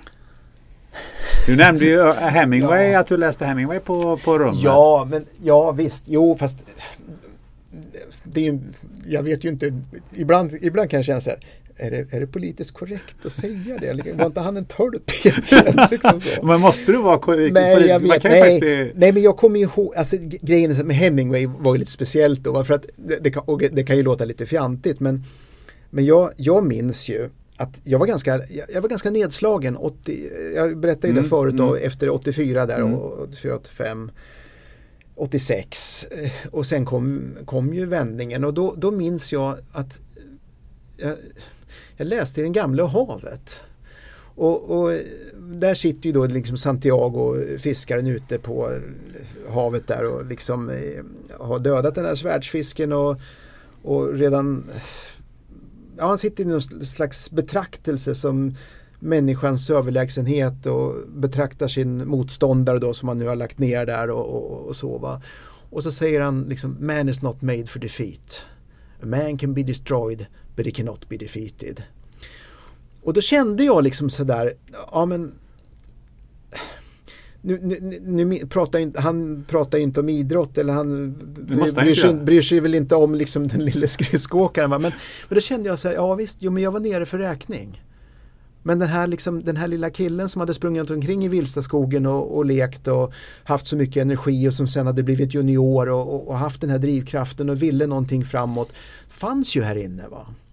Men jag var nere för räkning. Det, det var inget kul, det var, det var jobbigt, det var tufft. Jag visste inte vad jag ville riktigt va. Men liksom glöden fanns där va. A man can be destroyed but it cannot be defeated. Och, och det, Stora ord. Ja, det, det, låt den, jag, jag vet att jag skrev det någon gång då. Låt den store nobelpristagarens ord bli verklighet i ditt lilla skridskoliv. Och det, det hade faktiskt en, en viss betydelse att liksom näven var knuten. Även om jag var liksom nere för räkning. Jag har läst mig till att någon annan som inspirerat dig är Kjell Grede. Ja, oh, Kjell Grede. Ja, ja. Hur har han ja, dig? Nej, men han var ju fantastisk. Han, alltså, Kjell Grede, jag, han, han var och föreläste för det här var ju långt efter idrottskarriären. Det var, det var när jag satt med SOK. Vi, vi hade en, det var efter OS i Nagano 98 på våren så hade vi en träff på Bosön. Och eh, Kjell Grede var inbjuden. Eh, regissören skulle prata om ledarskap från teatern och filmens värld. Ehm, till förbundskaptener från svensk olympisk idrott. Och han kom in och började med någon fantastisk historia med Isaac Stern eh, och, och, eh, ja, och satte liksom tonen för, för sitt eh, föredrag. Men sen, och sen, sen han, hade han en whiteboard så ritade han en linje och så skrev han K för kontroll på den linjen. Och så sa han så här att de flesta människorna strävar efter kontroll i tillvaron. Eh, och, och, så pratade han om det och jag satt och tänkte så här, ja precis, kontroll. Det handlar om att träna, träna, träna, träna, träna, träna så att du kan din sak riktigt, riktigt väl. De flesta människorna strävar efter kontroll i tillvaron. Och så drog han en linje till och så skrev han IK. Jag lyssnade i Idrottsmannens mm. öron då. Så skrev han IK för icke-kontroll. Och så drog han till med ett kryss i mitten. Och så, så, så, så sa han så här att, att bedriften, sa han menar med det här krysset då, bedriften utförs alltid utanför kontrollområdet. Och, och då tänkte jag så här, ja, för jag hade ju mina erfarenheter eh, ifrån skridskobanan, liksom, från OS i Calgary. Där, där jag liksom Ja, nu är vi tillbaks där då. Va? Men, men om man då tänker så här, ja men jag hade tränat och tränat och tränat och tränat och tränat och tränat. Jag, skridskor kunde jag åka, inga problem med det. Rakt fram vänster, jag visste precis hur jag skulle göra de första eh, 200 metrarna, jag visste hur jag skulle göra de första fyra varven, de andra fyra varven. Eh, de näst sista två varven och de sista två varven. Jag visste exakt hur jag skulle göra. Det hade jag gått igenom och igenom och igenom. Jag hade lagt mig ner med min mentala träning och, och, och tänkt igenom det här. Så det var inga problem. Kontroll på prestationen. Man kan tycka så här, men det är bara 12,5 varv. Det är väl bara att åka rakt fram och vänster. Ja visst, jo, men man kan ju ta det några steg till då liksom. Därför att eh, när det är två varv kvar och någon står där och ropar så här, Thomas du får sluta nu. Liksom. Och det liksom, ah, tack så mycket, vad skönt liksom. Det bränner i benen och sen kan man inte sätta sig ner igen. Va? Och det gäller ju liksom att jobba sig förbi det där så att när man kommer när det är två varv kvar det är då man vill vara som allra starkast. Så, så kontrollen, ja visst absolut. va. Bedriften utförs alltid utanför kontrollområdet. Ja men hur ska man komma dit då? Och då tänker jag så, ja men det är inspirationen. Att faktiskt åka fram till startlinjen med en känsla av att orka hur mycket som helst till exempel. Och då kan man fråga sig, vart finns den känslan då, att orka hur mycket som helst? Ska jag inte tänka på loppet nu? Jo, det kan du göra. Men vart hittar man den där känslan att orka hur mycket som helst? Ja, det kanske finns i något träningspass som spontant har uppstått längs vägen fram mot det här målet. Och då hade jag ett träningspass från Vilstaskogen i Eskilstuna hösten 87 någonstans där då. Ett antal månader innan OS i Calgary. Sex gånger tre minuter löpning. Och liksom en skidåkare hade ju bara fnyst och sagt det behöver man inte byta om för ens. Va? Men det var attitydlöp. Det handlade om maximal insats genom skogen. Fullt ös. Och, och jag minns ett speciellt sånt pass. Jag hade, hade liksom jag, var, jag hade sprungit orientering i mitt liv så jag kunde ju bara ösa på slog undan trädgrenarna, hoppa liksom över stenarna liksom och bara öste på. Och när jag var klar med det där passet, någon gång i september, tror jag det var, 1987, så står jag mitt ute ibland småbäckarna i, i mörka skogen och det har regnat på dagen så jag är alldeles dyngsur. Och så tittar solen fram mellan trädgrenarna och så börjar fåglarna sin aftonkonsert och där står jag liksom nästan och, och känner att jag orkar hur mycket som helst. I det ögonblicket, liksom, när solen tittar fram, man, andningen är hård och jag står och, och fåglarna börjar kvittra så känner jag liksom att oh, ta med den här känslan till vintern. Liksom ännu ett vinnande träningspass finns i, i sinnet. Va? Och, och, den, där, den, den där bilden av att stå där och känna att jag orkar hur mycket som helst, den hade jag med mig sen. Så att när jag åker 10 minuter innan mitt lopp, då åker jag och tänker på det här träningspasset i Vilsaskogen och hur jag står där och känner att jag orkar mycket som helst. Jag behöver inte åka och tänka på att jag ska liksom fyra varv kvar, si och fyra, för det har jag, liksom, det, det har jag tränat in. Va? Så nu kan jag åka ut på den här startlinjen med, med liksom den här fantastiska känslan av att orka hur mycket som helst. Och då tänker jag så här, för mig är ju det att släppa kontrollen. Och det är där krysset är? Det är där krysset är. Va? Bedriften utförs alltid utanför kontrollområdet. Jag tar med mig den här känslan in i prestationen. Sen startskottet går, pang. Nu är ju loppet igång. Va? Men jag har den där känslan med mig. Och jag hade övat med den mentala träningen. Lagt ner, slappnat av, kopplat av, gått till min mentala plats eller mitt mentala rum och spelat upp liksom den här eh, scenen ifrån skogen där jag står och känner att jag orkar mycket som helst och så tänkt på när det är två varv kvar.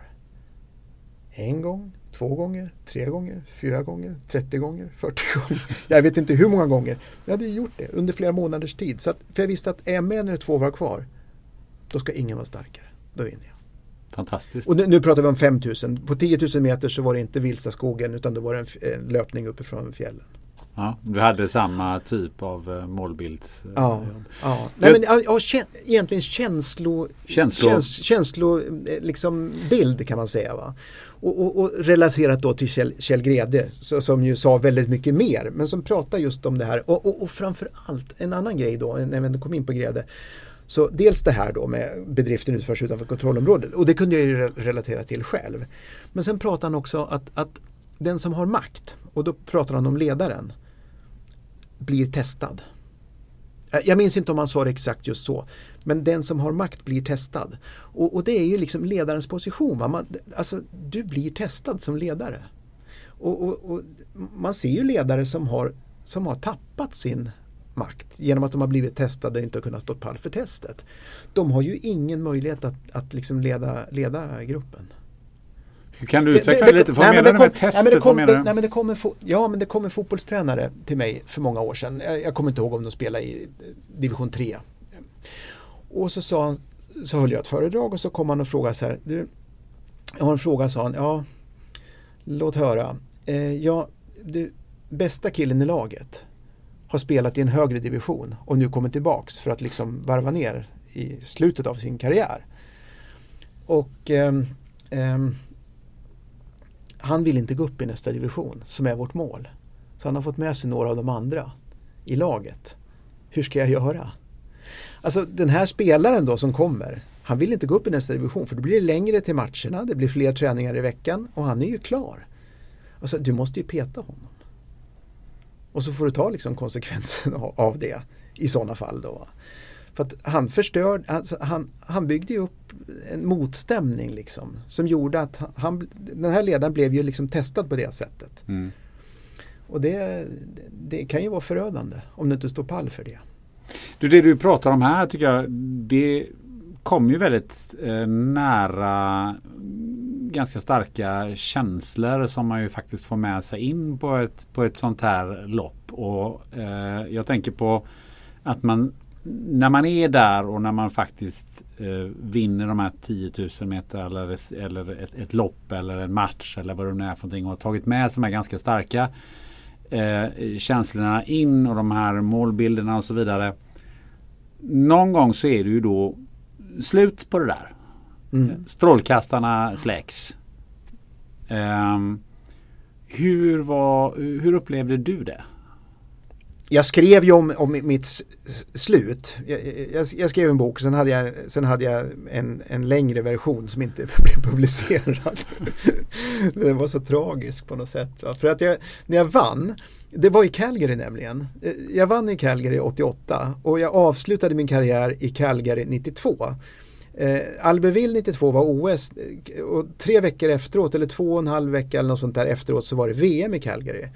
Och jag ville ju inte åka men jag blev övertalad att åka dit. För de, trodde, ja, de som övertalade trodde väl att det fanns liksom en eh, kapacitet som inte var utnyttjad. Och, och, men, och jag lät mig övertalas.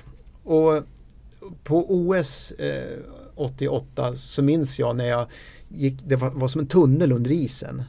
Och efter 5000 meter så kommer jag ihåg att då kom eh, prins Bertil de höll planet på flygplatsen för att han skulle få komma ner och gratulera. Så vi möttes i den där tunneln.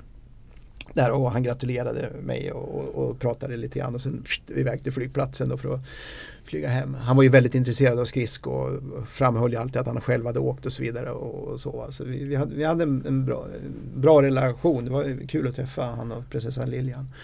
Men, men sen vid OS, eller VM då 92 där så då, jag kvalificerade mig inte till 10 000 meter. Det var liksom, jag åkte 1500 meter dag två och sen var det slut.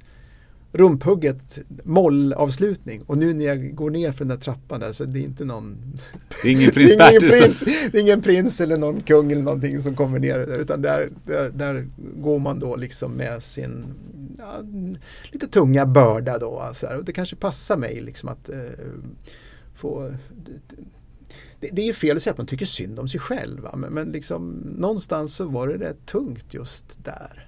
Just där och då? Men just där och då. Sen hur... kommer man ju hem och, och sova. Och, och ähm, ja, Nej, det, var, det, det, var lite kämpigt att orientera sig ska jag säga. Varför var det det? Nej, jag, jag, jag, jag hade liksom jag, jag, tror i det läget så, så, så, så fanns det ingenting bortom skridskon.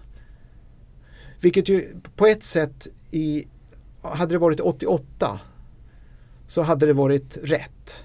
Men 92 så hade det kanske behövt vara någonting borta, alltså no, någon form av plan. Vad gör jag nu? Va? Jag, jag, jag, jag, visste inte det. Men finns det en paradox i detta att man är så inne i sitt för att kunna prestera på den nivån så man kan inte ha funderingar på vad man ska göra fram, i framtiden? Jo, fast jag tror man kan det. det. Det handlar lite grann om organisation också. Alltså det handlar ju lite grann om att ha människor, alltså för, människor som har förtroende eh, för runt om, omkring sig. Eh, för, för jag menar, det är klart att du längs den här resan fram kan ha en dialog om vad, vad du ska göra sen och så vidare. Däremot så tror jag inte att, att att jag blev erbjuden jobb i, i ett företag eh, vid ett par tillfällen i mitten på 80-talet då. Då var inte jag färdig, jag hade ändå åkt till Calgary och så vidare. Två ganska stora organisationer. Och, och då sa de så här, ja men du kan ju, du kan ju fortfarande åka. Och så, och, men, men bara vara, alltså deras, de trodde att man bara kunde vara med. Men jag kände liksom att nej men jag kan inte bara vara med för att vara med. Utan är jag med, då är jag med för att jag ska göra mitt absolut bästa. Förhoppningsvis räcker det till att vinna. Vilket jag, jag menar, att bara vara med i Calgary för att varför då? Jag vill ju vara med för att jag känner att jag har kapaciteten. Jag vill ju jobba mig upp till möjligheten att, att kunna vinna. Det är, det, det är därför jag är med. Sen kan man ha andra mål. Man, man, man, måste, man måste inte vinna. Man kan ha mål att komma bland de tio bästa också och så vidare. Va? Eh, men Nej, och, och då kände jag så här, men den attityden gillar ju inte jag. Liksom, att, eh, och, och därför så blev det väldigt, liksom, väldigt någonstans att nej, jag ska idrotta. När jag är klar med det, då tar jag nästa steg. Va? Och det är klart att eh, det hade passat 88 men fram till 92 hade jag nog eh, en av mina sponsorer, men det fattade inte jag, de ville nog att jag skulle jobba för dem. Men det förstod ju inte jag. Jag var lite splittrad. Jag, jag visste inte riktigt vad jag, vad jag ville göra i det läget. För det låter ju lite som också att det var inte du som bestämde när du skulle sluta utan det var faktiskt den här tävlingen som bestämde åt ja. dig att du skulle sluta. ja, Eller? Jo, jo, fast jag var högst delaktig ändå. Ja, jo, nej, men jag, man fattar ju egna beslut. Det, det, det, jag fattar mina egna beslut, absolut. Jag kan ju säga nej. Jag sa ju nej 1988 till att åka VM efter OS. Mm. För jag kände liksom att nej, nu ska jag vinna OS. Och gör jag det inte då, då, då har jag inget på ett VM att göra. Och, och vinner jag OS då vill jag kunna njuta av segern. Efter 84 då åkte jag hem till Göteborg och åkte VM en vecka efteråt. Och det vart pannkaka. Mm. Vi åkte på Ullevi, det var alldeles öde. Jag trodde det skulle vara fullt med folk där. Det var inte en person. Jaha, betyder det så lite tänkte jag då. Och det vill inte jag vara med om en gång till. Och, och, och därför så vart det, men nu 92 då så blev jag övertalad. Mm. Jag kommer ihåg jag åkte, jag åkte upp till Norge och, och, till en bana uppe i fjällen där bara för att liksom hitta någonting. Va, så här. Men nej, nej. Men det är ju många... Men, men sen, nej, men sen, Ja. sen, sen vart det, sen, sen, sen var det lite tufft där alltså. Men jag, jag, jag jobbade som säljare under en period. Ehm, vilket var okej. Men sen, sen, eh, sen dök det upp, sen träffade jag Elisabeth ehm, som bodde i Örebro då på den tiden jag bodde fortfarande i Eskilstuna. Och sen dök det då upp eh, en, en konsult som hörde av sig och hade 41 och en halv dags, eh, 41 och en halv dags utbildningar som han ville ha hjälp med att genomföra upp i, det var längst upp i norr i Norrbotten. Jag minns vi satt i bilen och Elisabeth satt bredvid mig och hon förstod ju vad det handlade om när jag pratade med den här. Jag svängde in på sidan liksom och stannade där och så satt vi och snackade. Och hon satt bara så här Gör det, gör det, gör det liksom. Och då, bör, och, då, och då kom jag in i det här, för han hade hört liksom att jag var duktig och, och, och hålla föredrag och möta grupper och sådär. va. Så att då, började, då började jag med det. Och sen höll jag på med det framåt. Jag tyckte det var oerhört spännande och, och kul att, att träffa alla dessa grupper. Och, och inför varje uppdrag så, så intervjuar jag ju chefer eller uppdragsgivare, den som har liksom ansvaret för konferensen, för tillfället som sådant. Jag gör ju allt, det, det spelar liksom ingen roll vad det är för något. Så, så, så det är ju så otroligt kul att gå in och träffa de här människorna. Och förhoppningsvis också då ge dem någonting. Sen är det ju naturligtvis som du ställde en, en fråga lite tidigare här, just det här, eh, skulle det inte vara kul att träffa dem sen igen? Jo absolut. Men ofta är man f- eh, lite, på ett sätt, beroende på hur man säljer in det naturligtvis, förbrukad när man väl har varit där. Fast det känns ju som att du hade ändå tämligen lätt för du hittade någonting som engagerade dig som du kunde gå in för. På samma sätt som, som du gick in i din idrott. Och är det inte så för väldigt många utav eh, de här idrottarna som har varit väldigt, väldigt duktiga att man inte hittar samma grej utanför som ger den här energin och ger det här adrenalinet och ger det här engagemanget. För det är ett grymt engagemang man måste ha för att vinna ett OS-guld eller ett VM-guld eller vad det nu är för någonting. Eller en täv tävling efter tävling.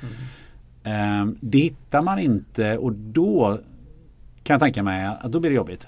Ja, men eh, alltså, jag vet inte varför jag tycker att det är så kul. Men vi hade, när jag gick på gymnasiet, då kom eh, eller vi kan säga så här istället att för, förra året vid ett tillfälle så höll jag ett föredrag. Och så kom det fram en person efteråt och, och sa så här Tack, tack. Det, det- här berörde verkligen, säger han. Jag, jag har blivit berörd på det här sättet en gång tidigare. Och vet du vem det var som var föredragshållare då? Nej, så jag. Det var Ernst-Hugo Järegård. Det var inget dåligt betyg. Nej, och, och då är grejen så här. som jag tycker är lite kul då. Va? För att när jag gick på gymnasiet så hade vi eh, i, i aulan så Mm. var Ernst-Hugo Ernst-Hugo Järegård var där. Och han satt på scenen. Han satt på en stol och körde liksom farsan. så här, va? Och jag tycker det var så otroligt bra. Så sinnebilden liksom för mina föredrag har alltid, alltså det finns så tydligt i huvudet. Jag, jag kommer inte ihåg vad det handlar om i det stora hela, men sinnebilden av att stå på scenen, det är när Ernst-Hugo sitter på den stolen och liksom kör sin monolog.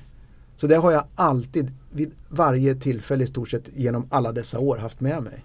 Och då är det så otroligt häftigt när någon kommer och säger det. Och då kände jag så här, wow. Det är ganska fantastiskt för att det måste varit samma turné som han gjorde i skolor Säkert. och som han gjorde hos oss där jag gick i, i Ja. gymnasiet i Kungälv. Ja, det, så- Och det var samma intryck Ja. som jag har fått utav honom. Ja. Det är helt otroligt. Ja, helt otroligt. Du- Ja, och jag, och jag, jag, jag, jag kände när han kom och sa det liksom, så tänkte jag så här, ja men det är ju jag blev så himla berörd själv. Ja, det liksom. förstår jag. Jag förstår att inte liksom, jag menar Ernst-Hugo var ju otroligt speciell, men bara att man kan ge någonting av sig själv.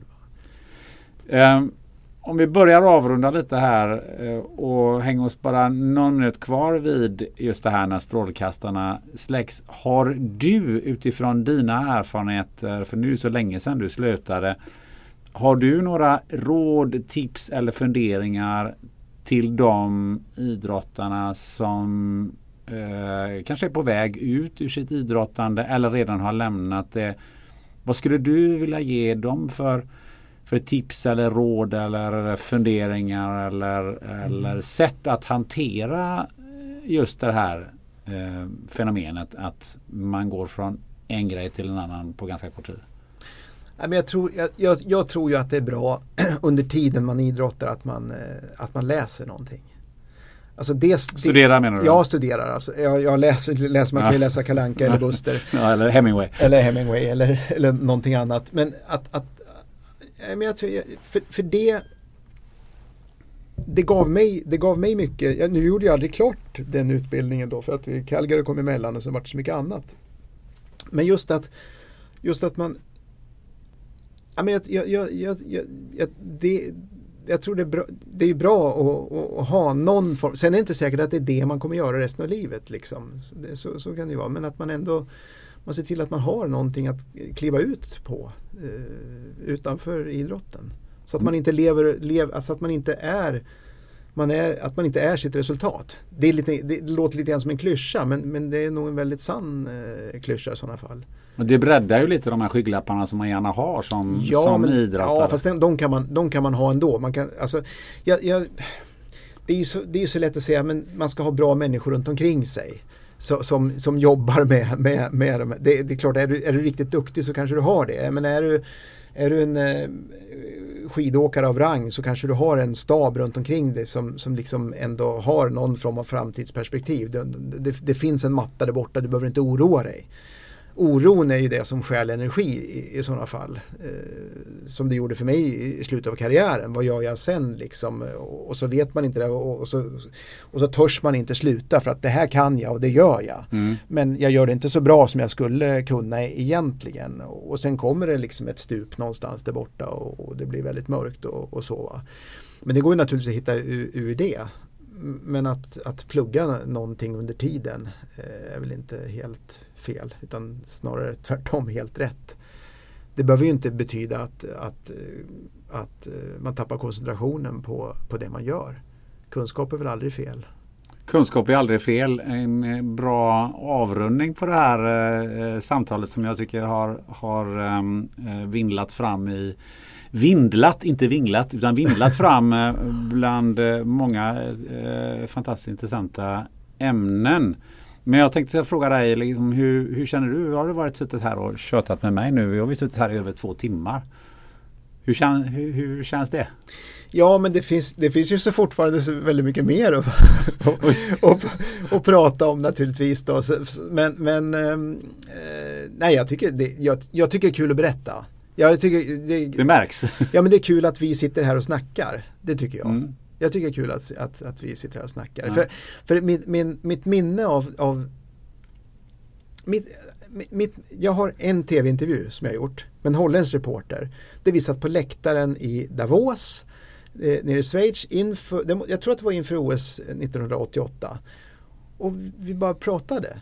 Det var inte det här liksom, han hade, ingen, han hade inget mål med att, att han skulle liksom, eh, han hade ingen egen tanke utan vi, vi snackar vi, vi, vi pratar om, om det som kommer och, och, inte så mycket mer. Däremot så har jag ju, har gjort många intervjuer där liksom formatet är att vi ska illustrera det här. Reporten kommer med liksom sin mm. tanke mm. som jag inte ens har tänkt. Att jaha, okej, okay. och så blir man inplacerad, lite grann som under mig i en, i en, i en Skavlan kanske eller något sånt Nej, där? eller Mästarnas Mästare. Ja, Mästarnas Mästare, okej. Okay, Nej, ja. men eller någonting. Du, du, eller, eller någon Biggest Loser eller något sånt där. Du, du blir liksom... Mm. Ett format. finns det en, en, konflikt så förstärker vi den. Ja. Good guy, bad guy liksom. Mm. Och, så, och, så, och, så, skjuter man in det. Lite grann så kan det ju vara många gånger när du gör intervjuer. Man har en tanke och sen, sen är det bara det som, som stödjer den tanken som visas. Fast egentligen så finns det så mycket mer. Och det tycker jag är skönt när man sitter så här. Då mm. kan man ju prata. Mm. Ja, men vi kanske kan göra en uppföljare till det här. Det finns mycket mer att prata om. Ja. Du, eh, jag bad dig ju eh, fundera över vem du skulle vilja se som gäst i podden och det har du funderat över lite grann. Så att, eh, ja, vad, vad, är ditt förslag? Ja, men det är jättesvårt. Det är, jag, jag tycker det är jättesvårt att, att säga det. Men alltså, man vill ju komma lite grann det, finns, det finns ju yt, så här, när vi har pratat nu så har vi pratat väldigt mycket om de sakerna som jag är van att, att, att prata om. Så finns det saker som man är ovan att prata om som, som den, den, hemliga mm. sidan någonstans. Och det är kanske den man egentligen skulle vilja höra någon eh, berätta om. Nej men jag tror, alltså jag är väldigt intresserad av foto till exempel.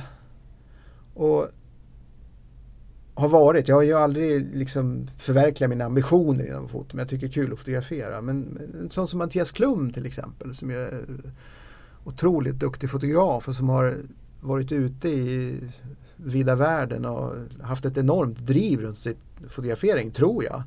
Han skulle jag vilja lyssna på. Låter som ett fantastiskt bra eh, förslag.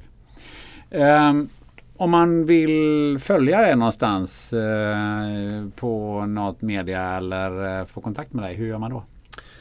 Ja, man kan gå in på tomasgustavsson.com. Mm. Mm. Där, är, där skriver du lite grann ibland? Och... Ja, nu har jag varit dålig. Alltså, det är ju det här. Jag, jag, jag, jag skrev mycket cykel förra året. Jag, tycker, jag, jag, tyckte cykel var roligt så därför skrev jag om mm. det. Men jag försöker ju flika in lite gamla tankar mm. kopplat med de nya och sådär. Men det kan väl vara en, en bra start upp och återstart då att, att känna lite press på sig och göra det igen. För jag tycker det är kul att skriva. Ja, då kommer det fler gå in där och kolla. Ja, ja. Eh, och där kan man boka det också. Om man vill ja, det kan man absolut för, göra. Föreläsningar och sådär. Eh, Thomas Gustafsson, ett jättetack på att eh, du vill vara med i eh, podden Spännande möten och det har varit en ära att få snacka med dig. Ja, tack så mycket. Kul. Är du i IT-branschen och intresserad av att jobba på Lexer där vi har spelat in podden? Gå in på lexer.se och fyll i kontaktformuläret. Jag tror att du kommer uppleva samma sak som Thomas och jag.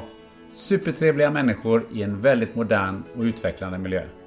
Speciellt tack vill jag rikta till Elin, Katarina och Stefan för grym service. Jag kommer garanterat tillbaka. Och gillar du podden? Ja, då är jag naturligtvis extremt tacksam om du delar i sociala medier och går in på iTunes och betygsätter. Tack på förhand! Lyssnar du på det här en av de första dagarna som avsnittet kommer ut så vill jag bara berätta att jag kommer att befinna mig i Almedalen under nästa vecka. Det blir garanterat täta rapporter från intervjuer, möten och event. Häng med i sociala medier på hashtaggen Möten i Almedalen 2019. Nästa avsnitt då? Ja, en ledtråd kommer här. När hon var som störst så hade 80% av alla japaner sett henne på TV och hon önskar att hon hade armar för då kunde hon sticka två tröjor samtidigt. Vem det är? Kolla in i poddens flöde på Facebook. Till dess, varva ner inför semestern så blir det garanterat mycket bättre både för dig och dina närmaste. Ha det gött! Hi, I'm Daniel, founder of Pretty Litter. Did you know cats tend to hide symptoms of sickness and pain? I learned this the hard way after losing my cat, Gingy. So I created Pretty Litter, a health monitoring litter that helps detect early signs of illness by changing colors, saving you money and potentially your cat's life. Pretty Litter is veterinarian developed, and it's the easiest way to keep tabs on your fur baby's health right at home. Go to prettylitter.com and use code ACAST for 20% off your first order and a free cat toy. Terms and conditions apply. See site for details. Hold up. What was that? Boring. No flavor. That was as bad as those leftovers you ate all week. Kiki Palmer here, and it's time to say hello to something fresh and guilt-free. Hello Fresh. Jazz up dinner with pecan-crusted chicken or garlic butter shrimp scampi. Now that's music to my mouth. Hello Fresh. Let's get this dinner party started. Discover all the delicious possibilities at hellofresh.com.